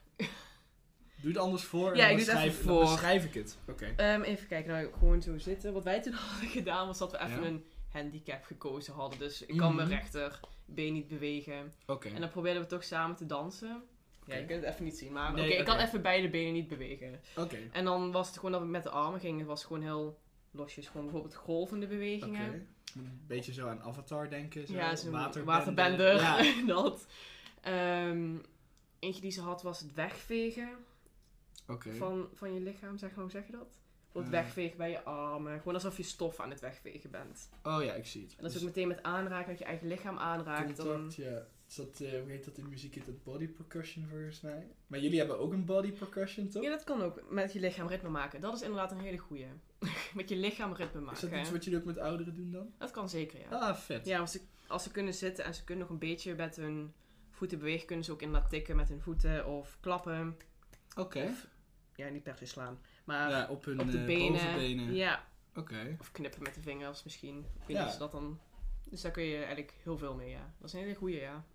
Ja, dat is gewoon ineens te binnen. Maar ook dit laten we zien van, ja, je kan eigenlijk, het is zoveel meer dan alleen dansen. Ja. En ja, ik denk ook wel dat er stiekem toch wel een beetje dans in mij zit.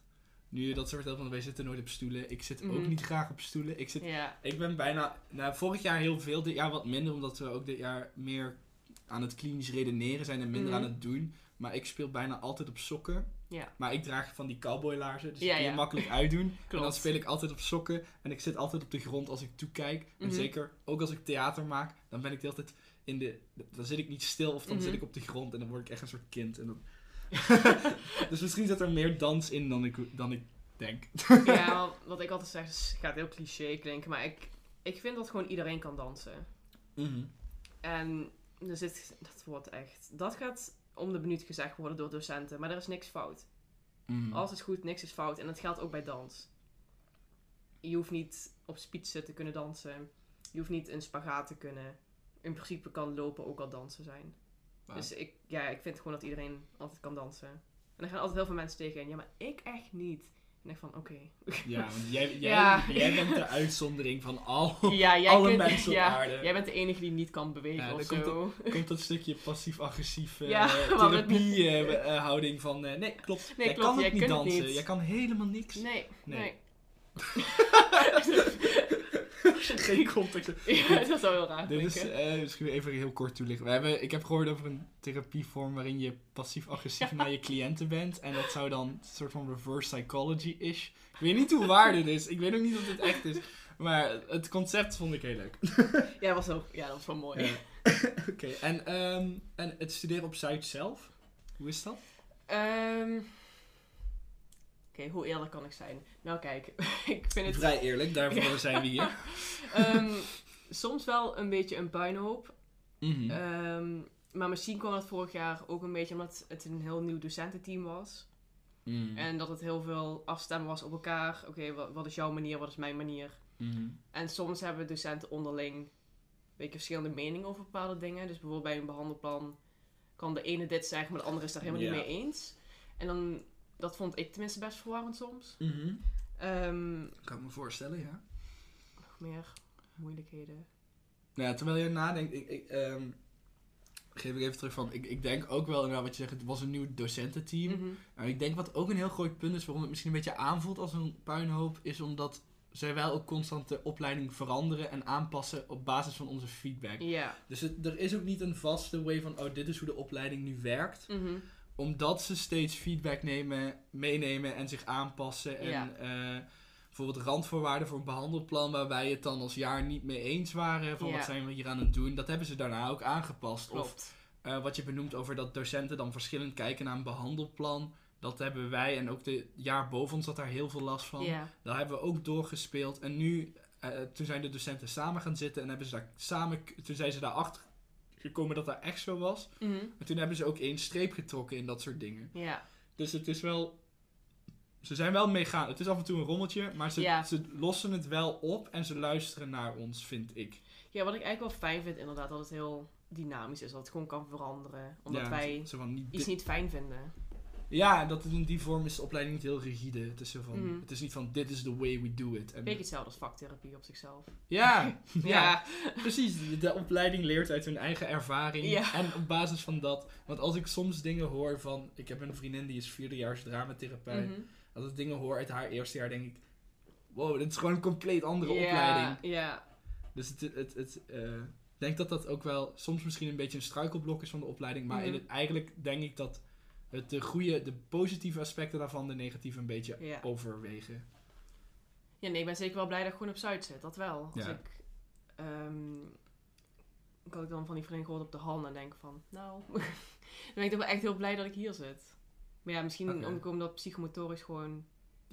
ik denk niet dat het iets voor mij was geweest. Denk ik. Nou ja, dat, ja, wat je ook alleen maar kunnen ervaren, I guess. Dat is zeker waar. Ik heb, ja, ik, ik heb geen idee hoe het daar is, dus ik kan daar niks Ja, ik had alleen gehoord van een vriendin. Maar ja, op basis daarvan moet ik ook niet echt... eh, Nee, en uiteindelijk is het natuurlijk iedereen's eigen verantwoordelijkheid Dat om dat gewoon te gaan bekijken of niet. Eh, ja. Maar ik ben in ieder geval wel gewoon blij op Zuid. Eigenlijk. Nice. Ik vind het ook wel goed. dat is ook heel twijfelachtig. Nee, wel. Ik, uiteindelijk de, de kritiekpuntjes die je al aanhaalde, ben ik het gewoon 100% mee eens. Maar Mhm. als er nou nul communicatie... Ik denk dat elke school of elke instelling zijn eigen issues heeft. Ja. En ik denk dat de- waar het verschil erin zit, is dat Zuid wel communiceert met ons en het probeert te verbeteren en op te lossen. Mhm. Terwijl ik ook wel eens hoor van andere op, opleidingen of eh, het- eh, instellingen eh, die gewoon rigide blijven en niks. En ik denk dat daar een heel key difference in zit. Ja, maar misschien ook omdat op Zuid, omdat we wat kleiner zijn, dat het contact veel persoonlijker is. ja. Ja, het is gewoon veel persoonlijker. En sowieso vind ik het ook heel fijn dat ik docenten met je mag aanspreken met de voornaam. Ja, precies. Dat hiërarchietje is Ja. niet zo sterk. Eh, Het is bijna eigenlijk gewoon alsof het collega's zijn. oh, bijna wel, ja. Ja. En dat is ook wat, het, wat we worden later. Zeker. Dus ja. Ja, en ook gewoon de, de eh, eh, positieve manier waarop de eerste aflevering ontvangen was. Mhm. Daar was ik zo verbaasd over. Ik was er best wel bang voor. Of ja, niet Oh. bang, maar ik was wel zo van... Nerveus? Ja, nerveus van, oh jee, we zeggen natuurlijk wel wat dingen over de opleiding die misschien niet helemaal rooskleurig zijn. Maar dat is ook wel een beetje de sterke kant, denk ik hiervan. Mhm. Eh, maar ik dacht, oh jee. En toen hoorde ik dat, dat, dat het door, bij docenten ook doorgestuurd was. En dat het best wel, dat, het, dat eh, zelfs de hoofdcoördinator het geluisterd had. Oh. En toen begon ik wel echt een beetje te zweten van, oh jee, ik word hier dadelijk afgestraft door Zuid. En- maar helemaal niet, en ze zijn er zo enthousiast over. En, dat, en eh, dat vind ik zo fijn en dat motiveerde mij zo om dan dit ook door te zetten nu. Ja, zeker. Ik vind Dus- het echt leuk. Ja, het is, eh, ik ben er heel blij mee. In ieder Ja. geval. Ja, en ik moet wel heel hard nadenken over kritiek nu. Ja, misschien een beetje die modulehandleiding. Ja, blijf een ding. In de eerste periode dat ik ook dacht van, wat is dit? Ja, maar wat, ja. Maar als je het helemaal door hebt, dan gaat het eigenlijk wel. Mm. En, En hoe, wel te doen. ja. en hoe vind je zo dit jaar tot nu toe? Ik vind dat we verdacht weinig huiswerk hebben. Vind je dat ook niet? Ja, ik, ik heb wel steeds het idee dat ik iets moet doen. ja, ik Terwijl mis ik, iets. dan zit ik op de bank en denk, zou ik niet iets, like, moet, zou ik niet, like, een taak of zo? Ja, ik heb nu het gevoel dat ik te veel ontspan. Ja, dat, dat. Maar ja, je moet natuurlijk die studievrije uren eh, invullen in het tweede. Dus je mag een beetje Ja. je eigen ontwikkeling... eh, lukt dat een beetje? Ehm, ik wil eigenlijk bij Mondriaan wil ik vrijwilligerswerk gaan doen. Hmm. Ehm, het liefst bij kind en jeugd of volwassenen. Oh, Eh, dus daar heb ik me nu voor aangemeld en dan krijg ik nog binnenkort reactie op. En dan gaan we echt uitzoeken, oké, wat kan ik en mag ik doen. Dus daar ben ik echt heel Oh. benieuwd naar. Sick. En ik wil sowieso gewoon misschien een paar boeken lezen of zo. Dat telt ook. Altijd dus, een goede tweede. Zeker, ja. Ja, precies. En ik zat ook te denken aan een soort van workshops te geven aan klasgenoten. Nice. Ja, dat ben ik ook van plan. Ja, ja dat vond ik echt zo'n goed idee. Een klasgenoot gaf dat door en ik was van, wauw, dat moet ik eigenlijk ook gaan doen. Dat is echt slim. Ja, waarom niet? Ja, ja precies. Ja, maar toch zo kunnen we ook meer van... Dat, ze- eh, natuurlijk zitten gewoon die uitwisselingen verwerkt in, de, in het schoolprogramma. Zeker. Maar het, vorig jaar hebben we dat ook al gedaan. Dat we gewoon Mhm. zelf... Oké, zo laat drama workshop, zo laat... eh, van eh, beeldend heb ik ook een paar keer meegemaakt. Ik heb dit jaar echt al heel veel beeldend dingen. Ik heb zo'n... Ah, die ligt niet hier, denk Oh. ik. Ik heb, zo, ik heb vorige week met eh super vet, met klei, een bakje gekleid. Oh. En daar met mijn vuist in de onderkant geslagen. Ja. Dus mijn vuistafdruk zat daarin. Mhm. En toen dat met gips ingegoten. Oh, wow. Eh, en nu heb ik zo'n klein, heel kleinschalig, zo'n cirkeltje met mijn vuist daarin van, van gietgips. Oh, dat is echt vet. En dat, dat heb ik dan, en dat, maar dat heb ik niet zomaar gedaan, dat heb ik dan gekoppeld aan een leerdoel. En het Mhm. ging over eh, met eh, tegenslagen omgaan. Mhm. En dat is dan zo mooi dat ik gewoon kan, ik drop gewoon, oh ja, ik ben met dit leerdoel bezig. En dat Mhm. een beeldstudent zegt, ja, daar heb ik wel een werkvorm voor. Ja. En dat je dat dan kan ervaren. En dan snap je ook het andere medium weer een stukje ja, beter. Dat vind ik echt mooi dat daar ruimte is voor dit jaar. Ja, ik vind het ook echt zeker mooi. En het moet ook gewoon echt gedaan worden, vind ik eigenlijk. Ja, Je leert er zoveel van. En het is gewoon leuk. absoluut. Ehm, even kijken. Oh, dit is een hele lastige vraag. Ja. Zeg ik. Heel ominous. Ehm, want ik heb hier letterlijk staan, wat zijn moeilijkheden? Ja. Die kun je heel breed trekken. Dus En het hoe... begon allemaal toen ik geboren werd. oh god. Eh, Oké, ik bedoel binnen die... ik bedoel binnen de opleiding eigenlijk. Like niet wat zijn moeilijkheden van het leven, Van het leven. daar kunnen we ook nog wel een keer over Ja, hebben. dat is gewoon een hele aflevering op zichzelf. met iets meer van dit. Dit. Ja, Wat is dit? eh, Drinken. verfrissend drinken. het is dit keer wel... Het is nu tien over vijf, dus dit is wel meer verantwoord dan Ja, toch? de vorige keer. Nou, ja, maakt niet uit. Eh, wat zijn moeilijkheden binnen eh, je opleiding? Ehm je valt een beetje samen met wat we het net ook een beetje over hadden binnen dans en beweging. Hoe dat is om te studeren. Ik kan hem ook proberen te concretiseren voor je natuurlijk. Concretiseren hebben we de vorige aflevering uitgelegd, dus dat ga ik niet nog eens doen. Ehm, of heb ik dat? Oh, dat weet ik niet meer. Nee, volgens mij parafraseren uitgelegd. Ja, klopt. Zou jij concretiseren even willen uitleggen wat dat is? Ja, dat is een goeie. Ja, dat gaat zo droog klinken. Maar eigenlijk de vraag gewoon, ja, concreet is wat duidelijker krijgen. Dus dat je, ehm, hoe zeg je dat nou? Klinkt zo dom als gezegd concreter de vraag stellen. Ja, geef een voorbeeld. Hoe bedoel je? Bijvoorbeeld, ik zeg nu, wat zijn moeilijkheden? Ja. Dat is een redelijk open vraag. Dan ga ik hem concretiseren en dan maak ik bijvoorbeeld, wat vind jij moeilijkheden, eh, of wat zijn moeilijkheden waar je tegenaan loopt in het eerste jaar, bijvoorbeeld? In het eerste jaar. Ehm, En dan wordt de vraag, als het goed is, makkelijker te beantwoorden voor jou. Ja, omdat Hoop je ik. nou, een- dat ik nou een beetje weet waar je naar hint, Toe, zeg hint, maar. Ja, ja. waar je antwoord op wil. Ehm, in het eerste jaar. Ja, dan die aanraking had ik een beetje. Mhm. Dat eh, had ik heel veel moeite mee. Ehm, ik had heel veel moeite met eh, stress reguleren. Maar dat is meer een mijn dingetje dan iets van de opleiding. Mhm. Ehm, al vond ik wel dat in periode Nou, 2... periode 2 is wel heftig hoor, Dat wil ik stress-wise. nooit meer meemaken. Er waren echt veel toetsen. Ja, dat was echt...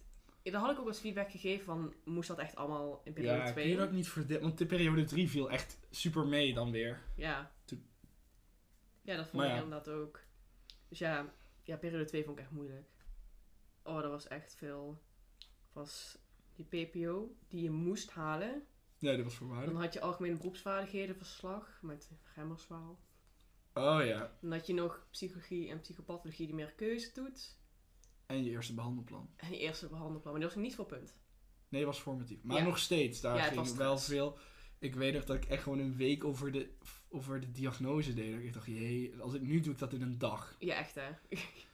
Dus dat is wel... Maar dat is ook wel satisfying. Dat, je Ja, maar dat, je, dat leer je wel. Gewoon, of ja, we mogen niet per se Nou diagnosticeren nee. vanuit de DSM-5. Maar, We kunnen het wel, enigszins. Soort van, ja. Soort van. Ja. I mean, ja. Ehm, oh, dat is gewoon ineens iets te binnen wat ik nog wou vertellen. Dat is dat ene ding waar ik eerder naar Oh, refereerde. oké. Ik moest namelijk laatst moest ik ehm, voor een eh, oefening, een werkvorm, moest ik een kind spelen met eh, op het eh, spectrum, het Mhm. ASS. En dat heb ik ook embodied en, en moest ik best wel lang doen. Mhm. En toen was ik achteraf zo moe van die rol. Van, ehm, het ging er dan om dat zijn begripsontwikkeling eh, Oh, een soort van achterliep. Dus ik moest veel, zogenaamd veel langer over alles nadenken. En ehm, ik kreeg heel erg het gevoel dat ik... ah, Ik was dan met twee andere kinderen, waren gewoon klasgenoten, maar die speelden dan gewone kinderen. En ehm, ik moest dus de hele tijd achter hen aan haasten om de werkvorm bij te houden en bla bla bla. En uiteindelijk werd dat bijgesteld. Maar toen was ik daarna zo moe. En eh, dat voelde ik vooral in mijn lijf. En toen dacht ik van, wow. Zou hier, like een, zou, als ik nu naar dansenbeweging zou gaan, wat zouden ze dan voor me kunnen betekenen? Ik vind dat je had spanning in je lijf. Weet je nog waar ongeveer? Eh, ik had heel erg hoofdpijn. Mhm. En vooral in, eh, omdat het een soort van hele, omdat ik niet goed wist wat er was, het heel veel dit, heel veel, heel hakkerig en heel erg, ehm, vooral in, in de handen ook, omdat je de dingen wil vasthouden of Mhm. eh, de hele tijd, ja, een beetje dat zo. Ik, kan het niet helemaal, ik kan het laten zien, ik kan het niet Ja, helemaal het uitleggen. is heel houterig eigenlijk. Dus ja. heel veel shocken ook in je lichaam. En Mhm. eh, ook wel, ik weet niet hoe je dit noemt, maar zeg maar deze twee rugspieren die zo... bij weet, je je, schouders, weet je waar ja. je schouders de hele tijd Ja. mee aanstuurt? Omdat mijn schouders ook de hele tijd van dit naar dit... Omdat ik merkte dat eh, de, de cliënt die ik speelde heel, heel, heel veel schakelde van... Oh nee, dit vind ik niet fijn. Naar, oh wat leuk dit. Oh, oké. Ja, ik kan eigenlijk wel begrijpen dat dat vermoeiend is. Je moet het heel geforceerd Ja. doen, zeg maar. Ehm nou, ik inderdaad heel erg in je bewegingen zag, even vanuit eh, Laban, was inderdaad heel erg sudden. Dus heel Mhm. erg plots ehm, deed je bewegen. En wat ik dan misschien meer zou doen, is meer naar dat sustained gaan. Dat het, wat is sustained in Nederland? Vertraagd. Dus wat meer Mhm. vertraagde bewegingen, daar een beetje op letten dat je echt even gewoon wat rustigere bewegingen doet. Mhm. En het kan inderdaad iets heel simpels zijn als gewoon op en neer wiegen, schommelen. Mhm. Eh, voor de schouders. ehm, ja, ik weet nog bij dans, het was zo ontspannend. We hadden elkaar oprecht massages gegeven. Ah, nice. En dat was zo. Het was echt heerlijk. Ik was gewoon echt in dromenland. Gewoon die massage aan het accepteren. Oh, damn. En ik merkte inderdaad ook dat daar werd ik gewoon, zelfs ik, werd daar gewoon ontspannen van. en wat ook hielp was eigenlijk gewoon best wel het harde drukken. Dus echt wel wat kracht zetten op die persoon. Dan zou je wel, ja, je kunt het zelf ook wel doen. Als je gewoon je hand dan op die pijnlijke plek legt en daar gewoon een beetje je concentratie naartoe doet. Een beetje doet masseren, een beetje doet wrijven. Hm. Wat je zelf fijn vindt. Ehm, ja, die hoofdpijn. Ik neem aan dat je redelijk wat in je hoofd zat met die rol van heel erg dat nadenken. Mhm. Dan zou ik het gewoon echt heel makkelijk de focus weer op je lichaam ehm, leggen, zeg maar. Dus bijvoorbeeld op de ademhaling. Gewoon heel simpel, hand op je buik. Mhm. Ademhaling naar je buik sturen. En dat je dan gewoon via je buik gaat ademhalen. Zodat je niet zoveel in je hoofd zit. Oké, wauw. Dus dat zijn wel een aantal dingen Die je zou kunnen... die je zou kunnen doen. Want, nou ja, sowieso die massages, dat weet ik dan nu. Dat weet ik jullie wel te vinden in het vervolg. zeker. Eh, nee, maar eh, wat je zegt van eh, de, de ademhaling, dat is dan echt een stukje mindfulness. Mhm. Want dat is volgens mij best wel ook een groot deel van jullie therapie, toch? Ja, dat doen we heel veel.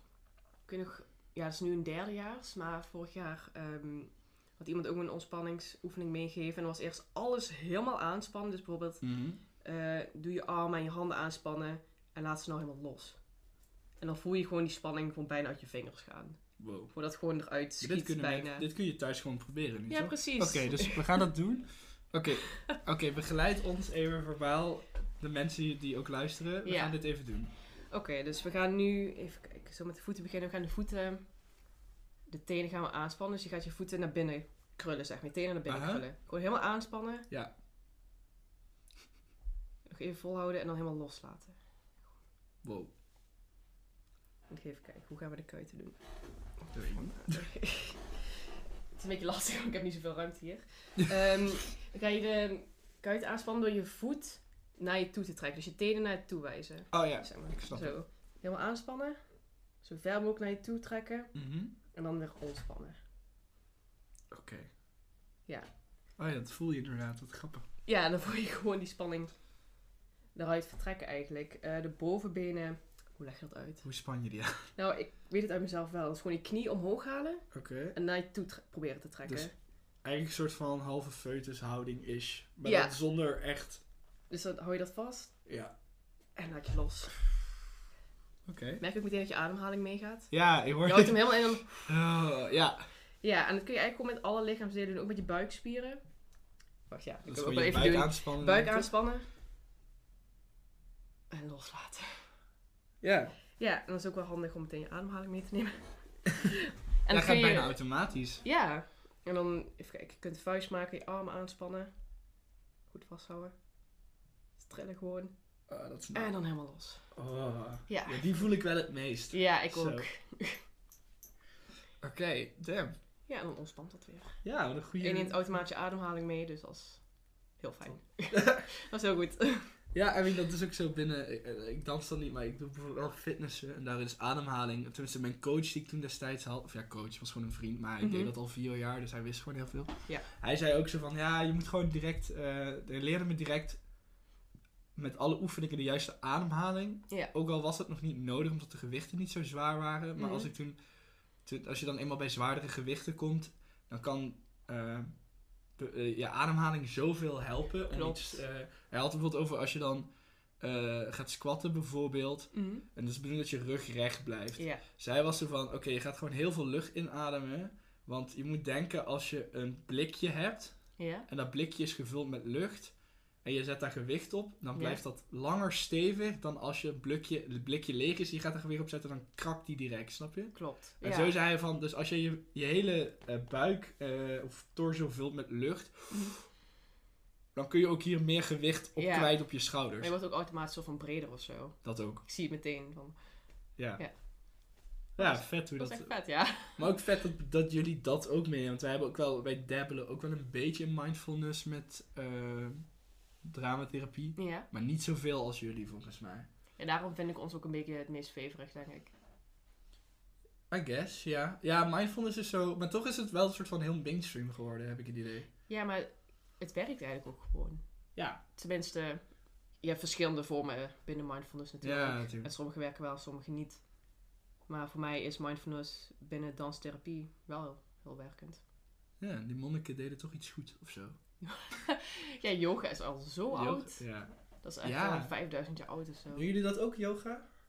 Ja, eigenlijk heel vaak gaat het er wel een beetje in mee of zo, denk ik. Hm. Ja, ik denk dat het een beetje automatisch wel erin verwerkt zit. Maar ik zou niet precies weten. Jullie doen nooit van, oké, we doen als warming-up bijvoorbeeld een paar yoga poses. Dat wel eens gedaan. Een paar. Een paar. stretchoefeningen, ja. Oh ja, is dat ook iets wat jullie doen? Stretchen? Nee, maar, want je, je- je- toch, ik neem aan als je een hele dag eh, jouw medium doet, of jouw Mhm. discipline, dat je ook wel toch wel redelijk je spieren, eh, nou ja, eh, intensief gebruikt. Dus als je dan niet stretcht of zo, dat, dat, dat er wel eens iets vast, vastloopt Ehm, of zo. Nou, wat vaak gebeurt, is dan doen we bijvoorbeeld een warming-up. En dan gaan we de oefening doen. En daarna is van neem even tijd voor jezelf om cooling down. En mag je eigenlijk gewoon even doen wat je wilt. Dus je mag, weet lekker. ik veel, rondjes gaan rennen als je dat wilt. Mhm. Je mag op de grond gaan liggen. Ja, Eh, je mag inderdaad gaan stretchen. We hebben heel vaak inderdaad met, volgens mij met Sam gewoon de vrijheid gehad van, ga doe maar iets. Als je wilt schrijven, dan ga je lekker schrijven. En als je wilt gaan dansen, dan ga je dansen. oh wat lekker. Ja, het is echt heel vrij. Sommige mensen vinden die vrijheid misschien helemaal niet fijn. Van, wat moet ik nou doen dan? Mhm. Maar ja, ik weet niet. Ik vind het wel chill dat ik eigenlijk gewoon dan bijvoorbeeld kan gaan stretchen als ik wil. Of even mijn ogen dicht kan doen en gaan liggen. Ja, Dat heerlijk. is soms echt heel fijn. wat goed. Ja, we liggen wel eens in een danszaal, ja. Ik lig ook uitleg wel- krijgen. Echt? ja, dan oh, liggen we wat gewoon op heerlijk. die kussens. Ik lig zo, als vaak als we WZ's doen en we hebben dat dramalokaal, we hebben ook zo'n soort van dans, ja, drama, theatervloer, weet je wel. Dat is Mhm. ook wat zachter, shock absorberend. Ja, Ik lig daar ook gewoon heel graag gewoon op. ja, het Als, echt we dan, lekker. als ik dan moet wachten op anderen, dan lig ik daar gewoon. Mhm. Ja, heerlijk. Die voel ik. Ja, die is echt fijn. ja.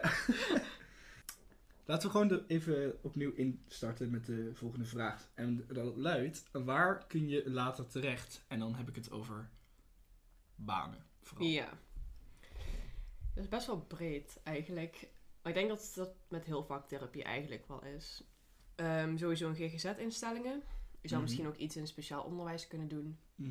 Ehm, ja, ik weet niet hoe snel een gevangene dans en beweging zou doen. Of een TBS'er. Of iemand in TBS. Komt dat helemaal niet voor?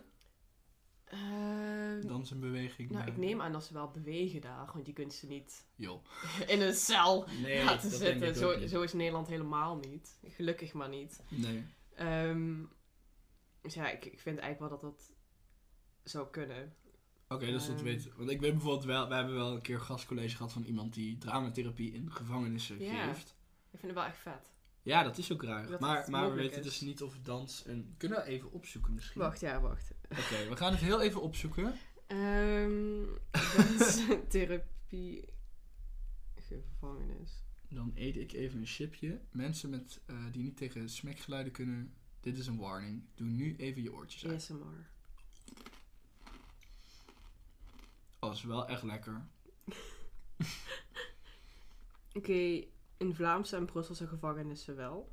Oké, Ehm, het, het smek is klaar trouwens. ja, je kunt natuurlijk wel werken met mensen die misschien risicovol gedrag laten zien. Dus misschien vaker in aanraking zijn geweest met de politie. Oké, dus eerder een soort van preventie dan. Ja, zoiets.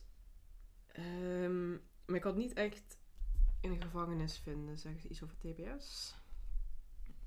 Dit is trouwens gewoon een snel Google search. Eh, als je daar echt meer over wil weten, zoek het gewoon zelf eh, even op. Oké, ze hebben wel inderdaad een onderzoek gedaan met depressie bij volwassenen in de TBS. Mhm. Vaktherapie Noord-Holland zegt wel dat het in TBS-kliniek kan. Oké. Met dus Zuid-Limburg, maar...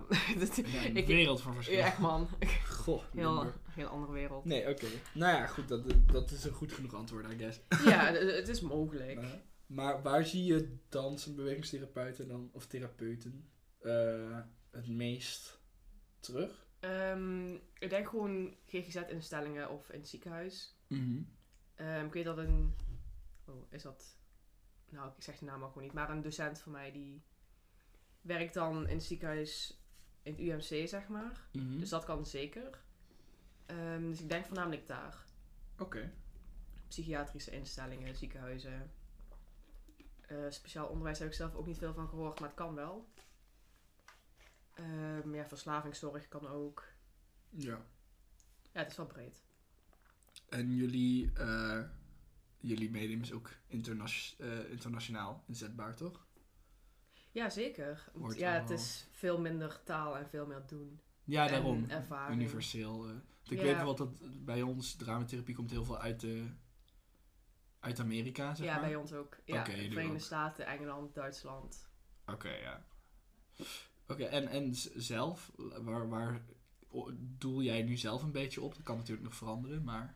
Ja, dat klopt. Ehm, het is er nu nog niet veranderd. Ehm begin van het eerste jaar wilde ik sowieso iets van een GGZ-instelling Mhm. iets doen. Ehm, tot nu toe nog steeds volwassenen. Oké. Al kan ik ook wel het mooi zien aan ouderen die bijvoorbeeld nog maar een paar maanden te leven hebben of zo. Mhm. Dat lijkt me ook wel heel mooi werk. Om die nog een paar echt mooie maanden of weken te geven. En ik weet niet of ik het zou kunnen volhouden, maar het lijkt me wel echt heel mooi. Dus Ja. dat. Ja, ja, qua doelgroep vind ik nog lastig om te zeggen. Snap ik. Ja. Oké, maar wel een mooi antwoord op zich. Ja, toch? Ja, echt ja. wel. Eh, ja, dus en, en is er ook veel vraag naar dans- en bewegingstherapeuten op het moment? Ehm, ik weet dat bij Mondriaan was er een keer een vacature. En die vroegen echt om een bewegingstherapeut. Ik weet niet of ze dat dans ook accepteren. I mean, het is dans en beweging. Ja, dus, dus, I mean, ik vind van wel. dans krijg je er gewoon extra bij. Ja, en ik weet dat er dus een master in Nijmegen en Rotterdam is. Oké. Dus ik neem aan dat daar in die regio ook wel vraag naar zal zijn. Ehm, ik weet dat in Duitsland is het best wel populair. Ehm, dus daar zou dan ook wel wat vraag naar zijn. Maar Zuid-Limburg zelf weet ik niet precies. Maar ja, je hoeft natuurlijk niet hier te blijven per se. Nee, dat klopt. dat is zeker waar. Maar ja, oké. Ehm, dan, dan deze vraag is, eh, is ook een goeie. Want ik, ik vraag nou, wat maakt het uniek? Ja. En dan, dat is al heel breed, maar om het toe te spitsen van... Wat maakt het nou... Wat hebben jullie nou wat de andere disciplines niet hebben? En eh, dan, dan reken ik ook psychomotorisch bij, want dit Mhm. hoort er gewoon bij. En speltherapie ook een... Oh, dadelijk vergeet ik er één. Dit is even alles wat ik nu kan. En, en, en de, de- onze vier mediums, zeg maar. Ja. Eh, wat, maakt, wat maakt danstherapie nou uniek? Waarom zou je nou danstherapie nemen als cliënt zijnde? En ook vanuit een studentenblik. Van wat, waarom zou je nou dans en beweging doen? Mhm. Eh, wat krijg je bij jullie wel wat je bij andere disciplines zou missen? Ehm, ik denk dat dans en beweging echt super lichaamsgericht is. En ik denk niet dat de andere medium dat heel erg hebben. Ja, misschien drama een beetje. Mhm. Maar ja, het is super lichaamsgericht. Heel erg op de ademhaling. En we kunnen zelfs nog kijken naar de ontwikkeling van bijvoorbeeld kinderen. Of dat goed is gegaan, of dat er ergens iets op achterloopt. En daar kunnen we dan zelfs bij helpen. Wauw. Ja, dat is vanuit, even denken, hoe heet die? Bartinjev. En die is heel erg gaan kijken naar hoe ontwikkelen kinderen zich. En welke lichaamsdelen gebruiken ze als eerst. En welke moeten ze als laatst ontwikkelen. Mhm. En als je een goede ontwikkeling hebt gehad, dan heb je gewoon full body. Dus dan kun je je hele lichaam, heb je dan tot je beschikking. Mhm. En ja, een goed voorbeeld is bijvoorbeeld kinderen die. Hoe ga ik dat nou goed uitleggen dat het duidelijk is? Eh, wij lopen zeg maar gewoon met de linkerarm naar voren en dan rechterbeen naar voren. En dan linkerbeen naar voren, rechterarm naar voren. Dus eigenlijk we gebruiken onze diagonaal, wij draaien de hele tijd. Oké, Je ja. hebt ook kinderen die gaan, die lopen met een rechterhand naar voren en met een rechterbeen naar voren. Oh my god. Dus die lopen, hoe zeg je dat? Nu word ik ineens heel onzeker over hoe ik loop, want ik heb daar eigenlijk nooit bij stilgestaan. Daar hebben we met de klas nog over gehad, hoe mensen lopen.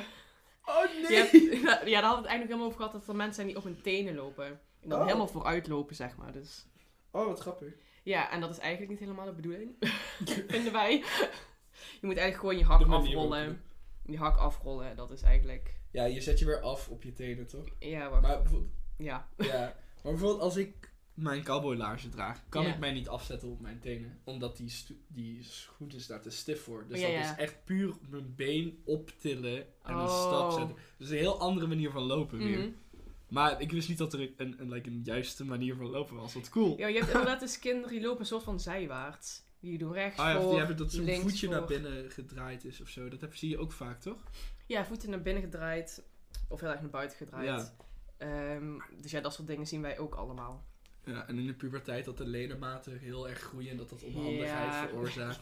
Die zijn van die hele lange armen Oh, krijgt. Ja. ja, ja dat, dat zien wij ook heel erg, ja. En dat, ja.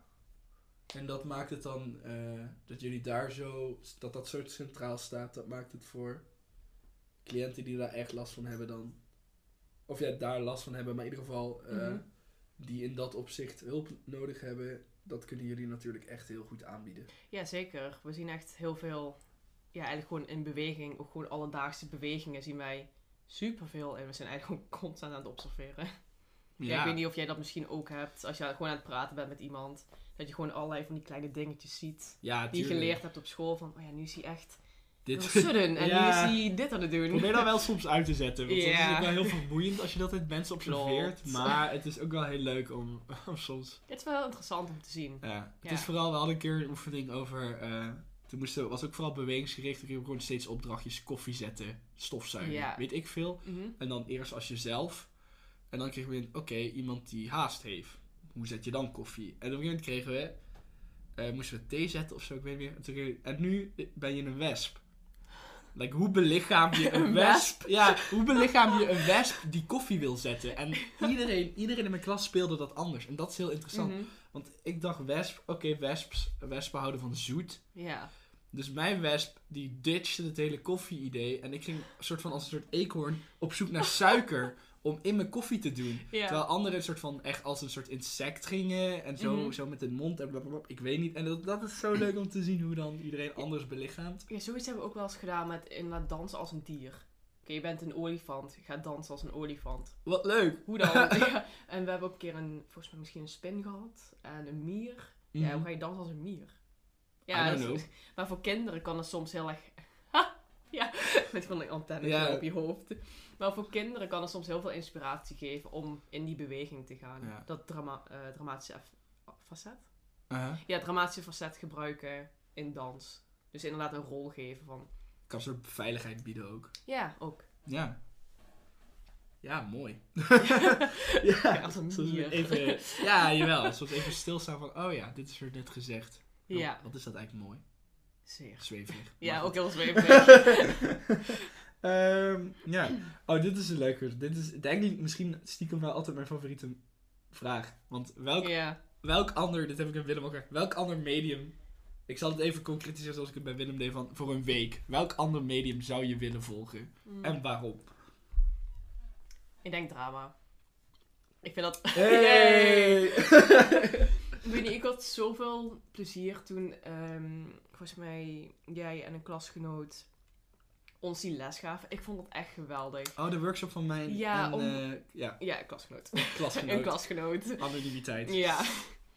Ja, ik vond het echt geweldig. Want het is een soort van, even mijn eigen leven een soort van aan de kant zetten. En Mhm. even iemand anders zijn. Dus gewoon mijn hele leven even loslaten en ik ben een politieagent. En ik vind het echt gewoon, ja, het werkt gewoon heel therapeutisch. Gewoon even Mhm. een andere rol innemen. En ook in dat contact met elkaar, ik vind dat gewoon echt geweldig. Ik vind het echt grappig. Echt mooi. Ah, wat, wat goed om te horen. Ja, Ja. was ook echt, maar je, je- jullie klas was ook echt heel leuk om naar te kijken. En eh, er zijn ook echt rollen die, die gespeeld zijn, die, die mij gewoon beïnvloed hebben. Van, oh ja, ik heb nu gezien hoe hij een ninja of een superheld speelt. Ja, dat was zo mooi. En dat ik dan denk, oh, maar dit is zo'n goede vormgeving van die rol. Daar ga ik Mhm. gewoon stelen. Dat ga ik gewoon in mijn eigen repertoire pakken. Maar, oh, wat, eh, wat eh, tof. Ja, want ja, ik vind het jammer dat ik geen muziekinstrument meer kan spelen. Ehm, Mhm. Ja, keyboard kan ik met mijn rechterhand, maar als die linkerhand erbij komt, dan gaat het dan niet. mhm. Ehm, ja, viool kan ik denk ik ook niet meer. En een blokfluit. Maar Ja. ja. ik vind het jammer dat, ja, zo muzikaal ben ik niet. Mhm, same. Ik weet niet, met beeldend, waar ik heel erg tegen liep, was dat ik heel productgericht ben. Dus ik wil het mooi hebben. Mm. Ik wil het, zoals het in mijn hoofd is, wil ik op papier hebben. En ik wil niet dat daar iets mee gebeurt. Het is heel eindproduct gericht. Ja, en dat eh. vind ik heel moeilijk. Ik vind het wel heel leuk. Ik vind het wel altijd heel leuk om te doen. Maar Ja. dat houdt mij tegen om beelden te doen, omdat ik misschien daar te perfectionistisch in ben of zo. Hmm. Ja, wel een goede zelfreflectie daarin. Ja, dat, dat doe je. Oh, zelfreflecties. Dat, Zelfreflecties, dat iedere dag, elke dag, elke moment, elke minuut. elke minuut. Ja. Nee, ja, I mean. Maar ik, eh, dat is wel gewoon, ik moest er eh, toen straks op stage over denken over je zegt eindproductgerichtheid. Maar ik Mhm. merkte ook vandaag op stage dat dat tegenwoordig zo er al ingegoten wordt. Want ik had het met, met die kids over eh, wat hun dan graag zouden willen doen. Ik probeerde Mhm. een beetje te inventariseren van wat voor lessen ik zou kunnen gaan geven. Ja. En die kinderen waren allemaal, het was of direct een voorstelling, of een musical, of een... Het was allemaal eindproduct, eindproduct, eindproduct. En ik was van, maar wat zou je nou gewoon willen leren qua vaardigheden of zo? Dan kwam er wel zo, weet je wel, stunts of actie, of hoe je elkaar fake slaat of zo. ja, dat vind ik dan prima. Maar eh, zeg maar, als ik dan zei van, ja, als we gewoon een balspel doen, of als we nou dit zouden doen, of gewoon een... eh, en dat, maar dat er is, waar niet echt een eindproduct aan gekoppeld Mhm. is, dan merk je dat de interesse gewoon veel minder was. Ik denk van, het wordt ook al zo in de maatschappij Ja, nu, zo vanaf zoveel jong aangeleerd dat, dat je prestatie Ja. en eindgericht moet eh, eh, oriënteren, denken en doen. Mhm. En ik vind dat dat heel mooi eh, binnen ons medium, dat dat bij ons een soort van weer eraf geschropt wordt. Ja, dat ook wij denken- fijn. Dat wij zo, nee, proces, het is proces. Proces, proces. Proces, eindproduct proces. boeit niet. Je scène hoeft niet mooi te zijn, je Nee, schilderij precies. hoeft niet mooi te zijn, je dans hoeft niet mooi te zijn, Mhm. je muziekstuk Ja, hoeft ja. niet mooi te zijn. Weet ik veel wat zij doen. Daar gaan we nog komen. Dat me inderdaad ook wel opgevallen, ja. En ook hoe... Er was dan toevallig één kindje en die praat zichzelf zo hard naar beneden, omdat wat ze in haar hoofd had dus niet op papier kwam. Oh. En ik was echt van, meid, maar het ziet er zo goed uit. en ook andere kinderen van, ja, maar je doet het gewoon goed, het is echt leuk. En ik dacht van, oh, dat Ja. het zo al erin gestampt wordt van, ja, dit moet er uiteindelijk komen, dit gaan we maken. Doe maar. Ja, en like, überhaupt het feit dat ze soort van bezig is met hoe goed het is. Precies. Dat je denkt, maar dat je dan zou bijna willen vragen van, maar had je wel plezier tijdens het maken? En als dat ja is, dan, Mhm. maar daar gaat, is dat dan niet het belangrijkste, dat je het leuk vond om te Ja, doen? precies. Ja, ik vind dat ook wel bijna zielig of zo. Ja, en het was ook dat ze de hele tijd hulp van mij vroeg en zo. Ik was van, ik hielp al wel, maar ik was van, je moet wel, het is wel jouw kunstwerk. Dus jij, Ja, jij moet het uiteindelijk wel doen. Maar ja, het was gewoon heel zielig, vond ik. ja. Maar ja. One, eh, one, one thing at a time. Precies. Denk, denk ik dan. Tenminste, we kunnen niet iedereen... eh, Nee. ja. Maar in ieder geval, ik zou graag het drama willen doen dan. Ja, Dat vond ik echt sick. geinig, echt leuk. Je bent welkom. Hartstikke leuk. Maar dan, eh, Nou ja, eigenlijk valt het ons theoretisch kader best wel mee. Dus Oké. als ik dan echt beeldend hoor over observatietechnieken en allemaal werkvormen en dan muziek en dan met body percussion en, en dan Mhm. denk ik van, wat hebben wij? Wat, Oh. wat, wat hebben wij als drama eigenlijk nou echt? Maar eh, het is wel, waarschijnlijk is het meer zodra ik er echt over begin. Maar, Ja. maar het voelt soms zo weinig, omdat ik dan anderen hoor en dan denk ik... Oh, wij moesten dat toen inderdaad... Was bij PPAB die les? mhm, Moest zo'n moodboard... Of hoe heet dat nou? Mindmap maken. mhm. Van methodes en zo. Ja, En je zag inderdaad dans. En dan... De rest was, leek minder. Maar misschien omdat ze dat niet geleerd hadden. Maar ik dacht, waarom heeft dans zoveel? Ja jullie hebben echt veel. Ja, ik was van... ehm, snap ik nog steeds niet helemaal. Maar, Maar, Ik, ik denk misschien dat dat ook wel komt. Maar dat is een invulling nu van jouw medium. Dus Mhm. als er fout is, corrigeer me. Ja. Maar ik denk dat komt omdat jullie ook het meest abstract zijn. Heel erg. Of ja, nou, misschien niet het meest abstract. Maar ik denk dat jullie ehm, die theorieën en kaders echt nodig hebben om een soort van te kunnen communiceren over wat jullie aan het doen zijn. dat is heel belangrijk, ja. Terwijl- communiceren. Zeg maar, om het even, daar, like bij drama is een soort van, is het nog, kun je soms redelijk recht toe recht aan, oké, hij wil dit gedrag leren, dit kunnen Mhm. wij letterlijk gewoon oefenen in het medium. Dus wij Ja. hoeven daar geen theoretisch model achter te, ja, dat moeten we wel. Ja, Maar om het, te, zodat, om het aan anderen uit te leggen of anderen te snappen, als ik zeg, je wil assertiviteit trainen, dus ik ga scènes doen waarin de cliënt assertiviteit moet tonen Mhm. in de- om de scène te, eh, of om, om daarin te werken. Dat is een soort van logisch. Dan hoef je niet te zeggen, want volgens dit of dit of dit werkt dat op die manier. ja. Nou ja, dat moet wel, maar Mhm. om het te snappen hoeft het niet. Terwijl ik denk, tenminste als ik over nadenk, denk dat dat met jouw discipline misschien minder snel die koppeling gemaakt kan Ja. worden. Nee, dat, dat is eigenlijk wel waar. Daarom hebben we ook wat observatiemethodes, zoals Laban. Ehm, en daarmee kunnen we inderdaad woorden geven aan wat we zien. En dan kunnen we er inderdaad dus ook over communiceren van... Ja, we hebben de sudden movements gezien, dus... ehm, hij beweegt heel plots, hij is heel impulsief. En Mhm. daar mogen we dan overigens geen oordeel of diagnose aan plakken. Maar dus kunnen we wel communiceren, oké, dit hebben wij gezien. En Mhm. Ja. dat kan misschien dit betekenen, want dat had hij vroeger meegemaakt, bijvoorbeeld. Hoe doen jullie dat dan als jullie met cliënten samen reflecteren over iets? Pas je dan je taalgebruik aan of leer je hun termen bij? Ehm, nou, sowieso bij kinderen moet taalgebruik heel erg aangepast worden. Mm, sowieso, ja. Ehm, maar die termen zijn eigenlijk eerder voor onszelf, denk ik, om het voor ons duidelijk te maken. Echt vaktaal. Ja, dus we kunnen, wat we wel kunnen zeggen is inderdaad, wauw, je beweegt heel plots. En misschien kun je zelfs zeggen, oh, daar schrok ik een beetje van. En dat je dat dan teruggeeft. Mhm. Eh, maar we zouden denk ik niet zo snel die vaktermen gebruiken bij cliënten. Tenzij dat misschien, misschien dat ze zelf zoiets gestudeerd hebben, maar anders zou het denk ik niet. Ja, ik weet wat er mis met me is, want ik vertoon dit en dit Ja, en dit. Dat dit- wist ik al. Ik Ja. dat het opgelost wordt. Precies. Nee, ja, oké. Ik snap dat wel. Ja, dus eerder communicatie onder elkaar, voor jezelf duidelijk krijgen. Mhm. En eh, ja, het, het kunnen verwoorden.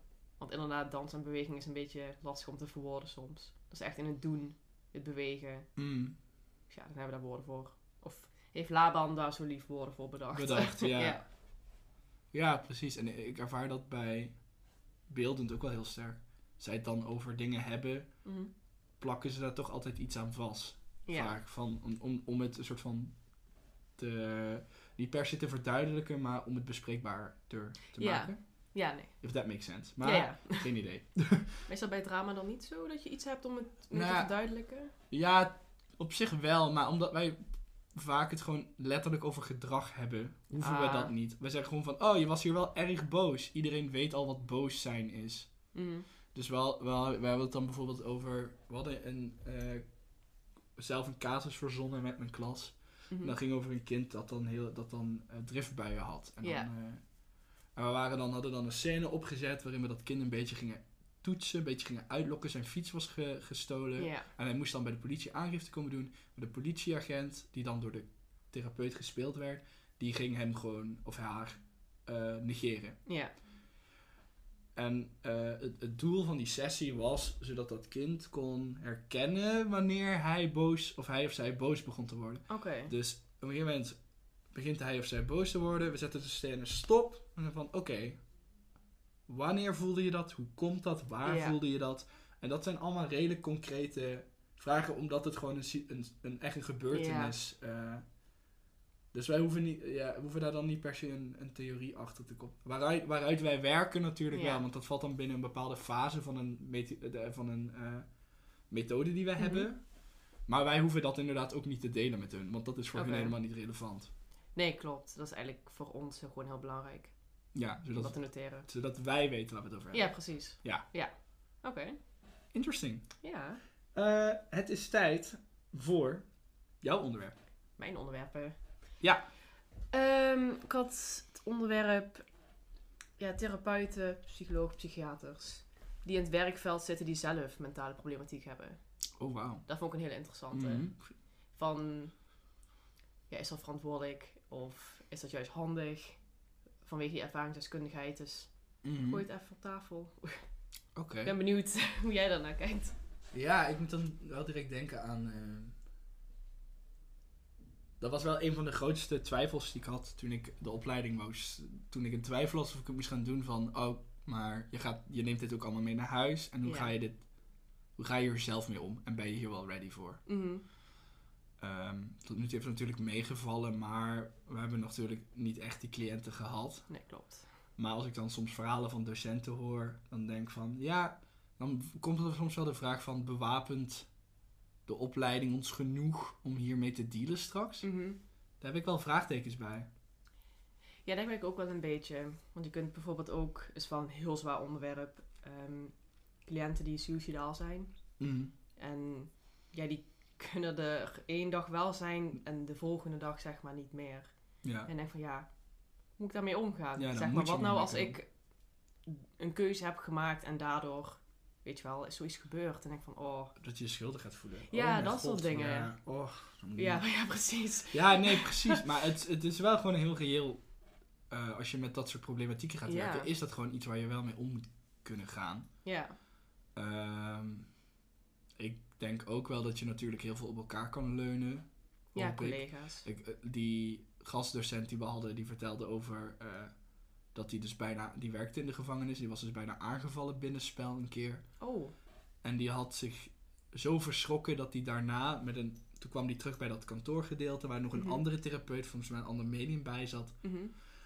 Toen moest hij het ook even kwijt. Toen moest hij ook even, want dat is best wel intens. Dus Mhm. ehm, ik denk dat, dat je daar wel zeker mee moet leren omgaan. Ja. Ehm, je hebt natuurlijk ook zoiets als die, eh, eh, dat je minder gevoelig wordt voor prikkels. Mhm. Dus wat mensen in oorlog, dat die op een moment niet meer zo opkijken van de oorlog, weet je wel. Of, Oh, ja. of ehm, ik woon naast een grote kerk, ja. maar ik registreer niet elk uur dat die kerk afgaat. Nee, omdat klopt. ik die prikkel gewoon gewend ben. Ja, Eh, is misschien niet het meest beste voorbeeld, maar dat, dat misschien dat het op een gegeven moment ook wel wendt. ja. We- Ik weet het niet, hè? Ja, ik ben ook maar over niet. na aan het denken van dat zou ku- kunnen. Maar als ik denk in de... Ik denk dat het ook wel voor, voordelen heeft natuurlijk als je eh, zelf... een, eh, niet als je zelf problemen hebt. die maar- ervaring hebt. Maar ervaar, als je een beetje kan empathizen in die, die zin met je. Ja. eh, ik denk dat dat zowel voor- als nadelen heeft. Als we Mhm. dat, we hadden dat hoorcollege vorig jaar over eh, verslavingen. Oh ja, ja, die was wel echt Met die, die was heel heftig. Maar Ja. dat was wel heel, een mooi verhaal. In de zin dat die man was zelf verslaafd. En heeft zich zo herpakt dat hij nu... verzo- of hoe noem je dat? Hoofd. of nou, niet hoofd, maar... Hoe noem je dat? Wat was hij nou? Was hij een psycholoog? Nee, hij was ervaringsdeskundige. Maar wat deed hij nog meer? Hij gaf volgens mij ook gewoon begeleiding binnen een eh, revalidatiecentrum. Zeg ja, maar. en hij gaf ook nog eens van die presentaties. En hij kwam om- vertellen op scholen. Dus, Ja, En dan ben ik zo van, kijk, en dat, dat kun je niet... eh, dat zou je niet kunnen als je niet die ervaring eerst nee, dat is gehad zeker hebt. waar. Ehm, maar ik denk dat het ook een struikelblok kan zijn in soms klinisch redeneren of gewoon logisch nadenken. Ja, en ook gewoon op school. Dat Ik ook. bedoel, als je daar... Als je je eigen problematiek tegenkomt, tenminste dat ik soms wel eens, dat ik echt van, oh, pff, heb ik zin om nu mee te dealen. Ja, ja. Dat snap ik ook wel. En ook de mening, hoe, wat vinden andere mensen daarvan? En ik van, oh. Ja, en dat komt dan ook kijken. Mhm. Dat ja. gaan aanvoelen van, waar is mijn grens dan bij? Ja. Is er iets waar je, als je dadelijk afstudeert, nog. Denk je dat je dan. eh, dat je daar heel erg. Dat je dat heel erg meeneemt in waar je wil gaan werken of in wat je wil gaan doen? Ehm, mijn ervaringen of... eh, Ja, als in... in het, eh, of je, als je nou dadelijk... Je bent dadelijk afgestudeerd. En Mhm. je hebt either drie gevoelens. Je hebt A, ik kan dit wel aan. Wat, Mhm. wat ze ook gaan gooien. B is nee, ik kan het helemaal niet aan. En C is ik heb echt geen idee waar ik hier zit. En zou je, nee, denk je dat, je dat dat heel zwaar gaat beïnvloeden waar je, denk je, waar je gaat werken? Mm. Ja, ik denk het toch wel een beetje of zo. Dat ik toch wel een beetje ga oppassen van, oh, hier liggen wat gevoeligheden van mij. Misschien kan ik daar beter even mee wachten. En je kunt natuurlijk wel altijd nog van doelgroep wisselen.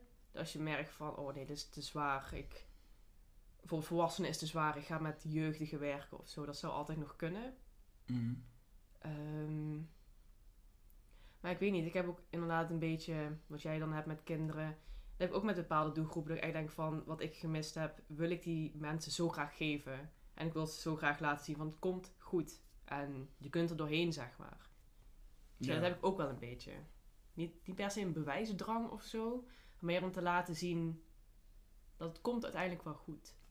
Ja. Zeg maar, voor die mensen. Ja, dat heb ik ook een beetje. En hopelijk voor onszelf. ja, Uiteindelijk. vast wel. Ja, zo.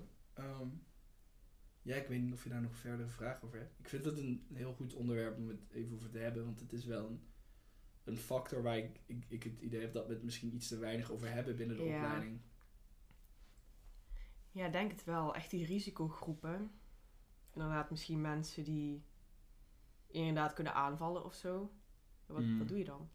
Wat, wat, moet je, wat moet je dan Ja, doen? Of krijg je dat vanuit de instelling mee wat je dan moet doen? Of... dat, dat hoop ik sowieso wel. Ja, Maar ik denk, het kan ook dat het misschien, we zeggen dat nu over de opleiding, we zitten ook Mm. pas in de tweede. Ik, Ja. ik denk dat dit misschien ook wel veel centraler staat in de derde, omdat je dan heel veel werkervaring krijgt. ja. Maar ik denk ook als je dat in de eerste meteen over gaat hebben van... Ja, een cliënt kan gaan aanvallen, Ja, weet je, je wel. kan- je kunt geschopt worden. Je kan echt zware psychologische schade oplopen. Ja, dan eh, denk ik niet dat mensen echt blijven. Nee, snap ik. Het zou een beetje afknapper zijn. Ja. een beetje maar. Nee, oké. Mooi onderwerp. Thanks. Ja. Ehm, oh ja, dit heb ik de vorige keer ook gedaan. Mhm. Ehm, kleine casus bespreken. En dan Oeh. daar heel kort, heel snel van, oh, dit zou ik daarmee doen, zonder APA-bron. Oké, zonder gelukkig maar. Ja, gewoon van, oh, dit, dit, zou, dit zou mijn eerste, eerste ding zijn wat ik zou aanbieden. Oké. Ehm, ik had het verzonnen, ik heb hem alleen niet opgeschreven. Eh, volgens mij, dus ik ga even een beetje... Oké. Je mag aanvullen. Volgens mij ging het over een kind van 13 of 14 met ADHD. Ja. En gewoon probleem met concentratie, probleem met stilzitten. Eh, moeite met dingen volgen. eh ja. is korte concentratieboog eigenlijk, basically. En Mhm. eh, komt daardoor ook wel in de problemen met, met de klas, met klasgenootjes. Met de docent, moet vaak binnen blijven. Mhm. Daardoor krijgt hij, heel laag, hij of zij heel laag zelfbeeld. Ja. Eh, en is daarom aangemeld om, zodat ze weer een beetje terug gereïntegreerd kan worden in de klas. Ja. Wat zou je doen? Dat is heel veel informatie. Neem Ehm, even een moment. ja. Dat, dat doet mij niet uit.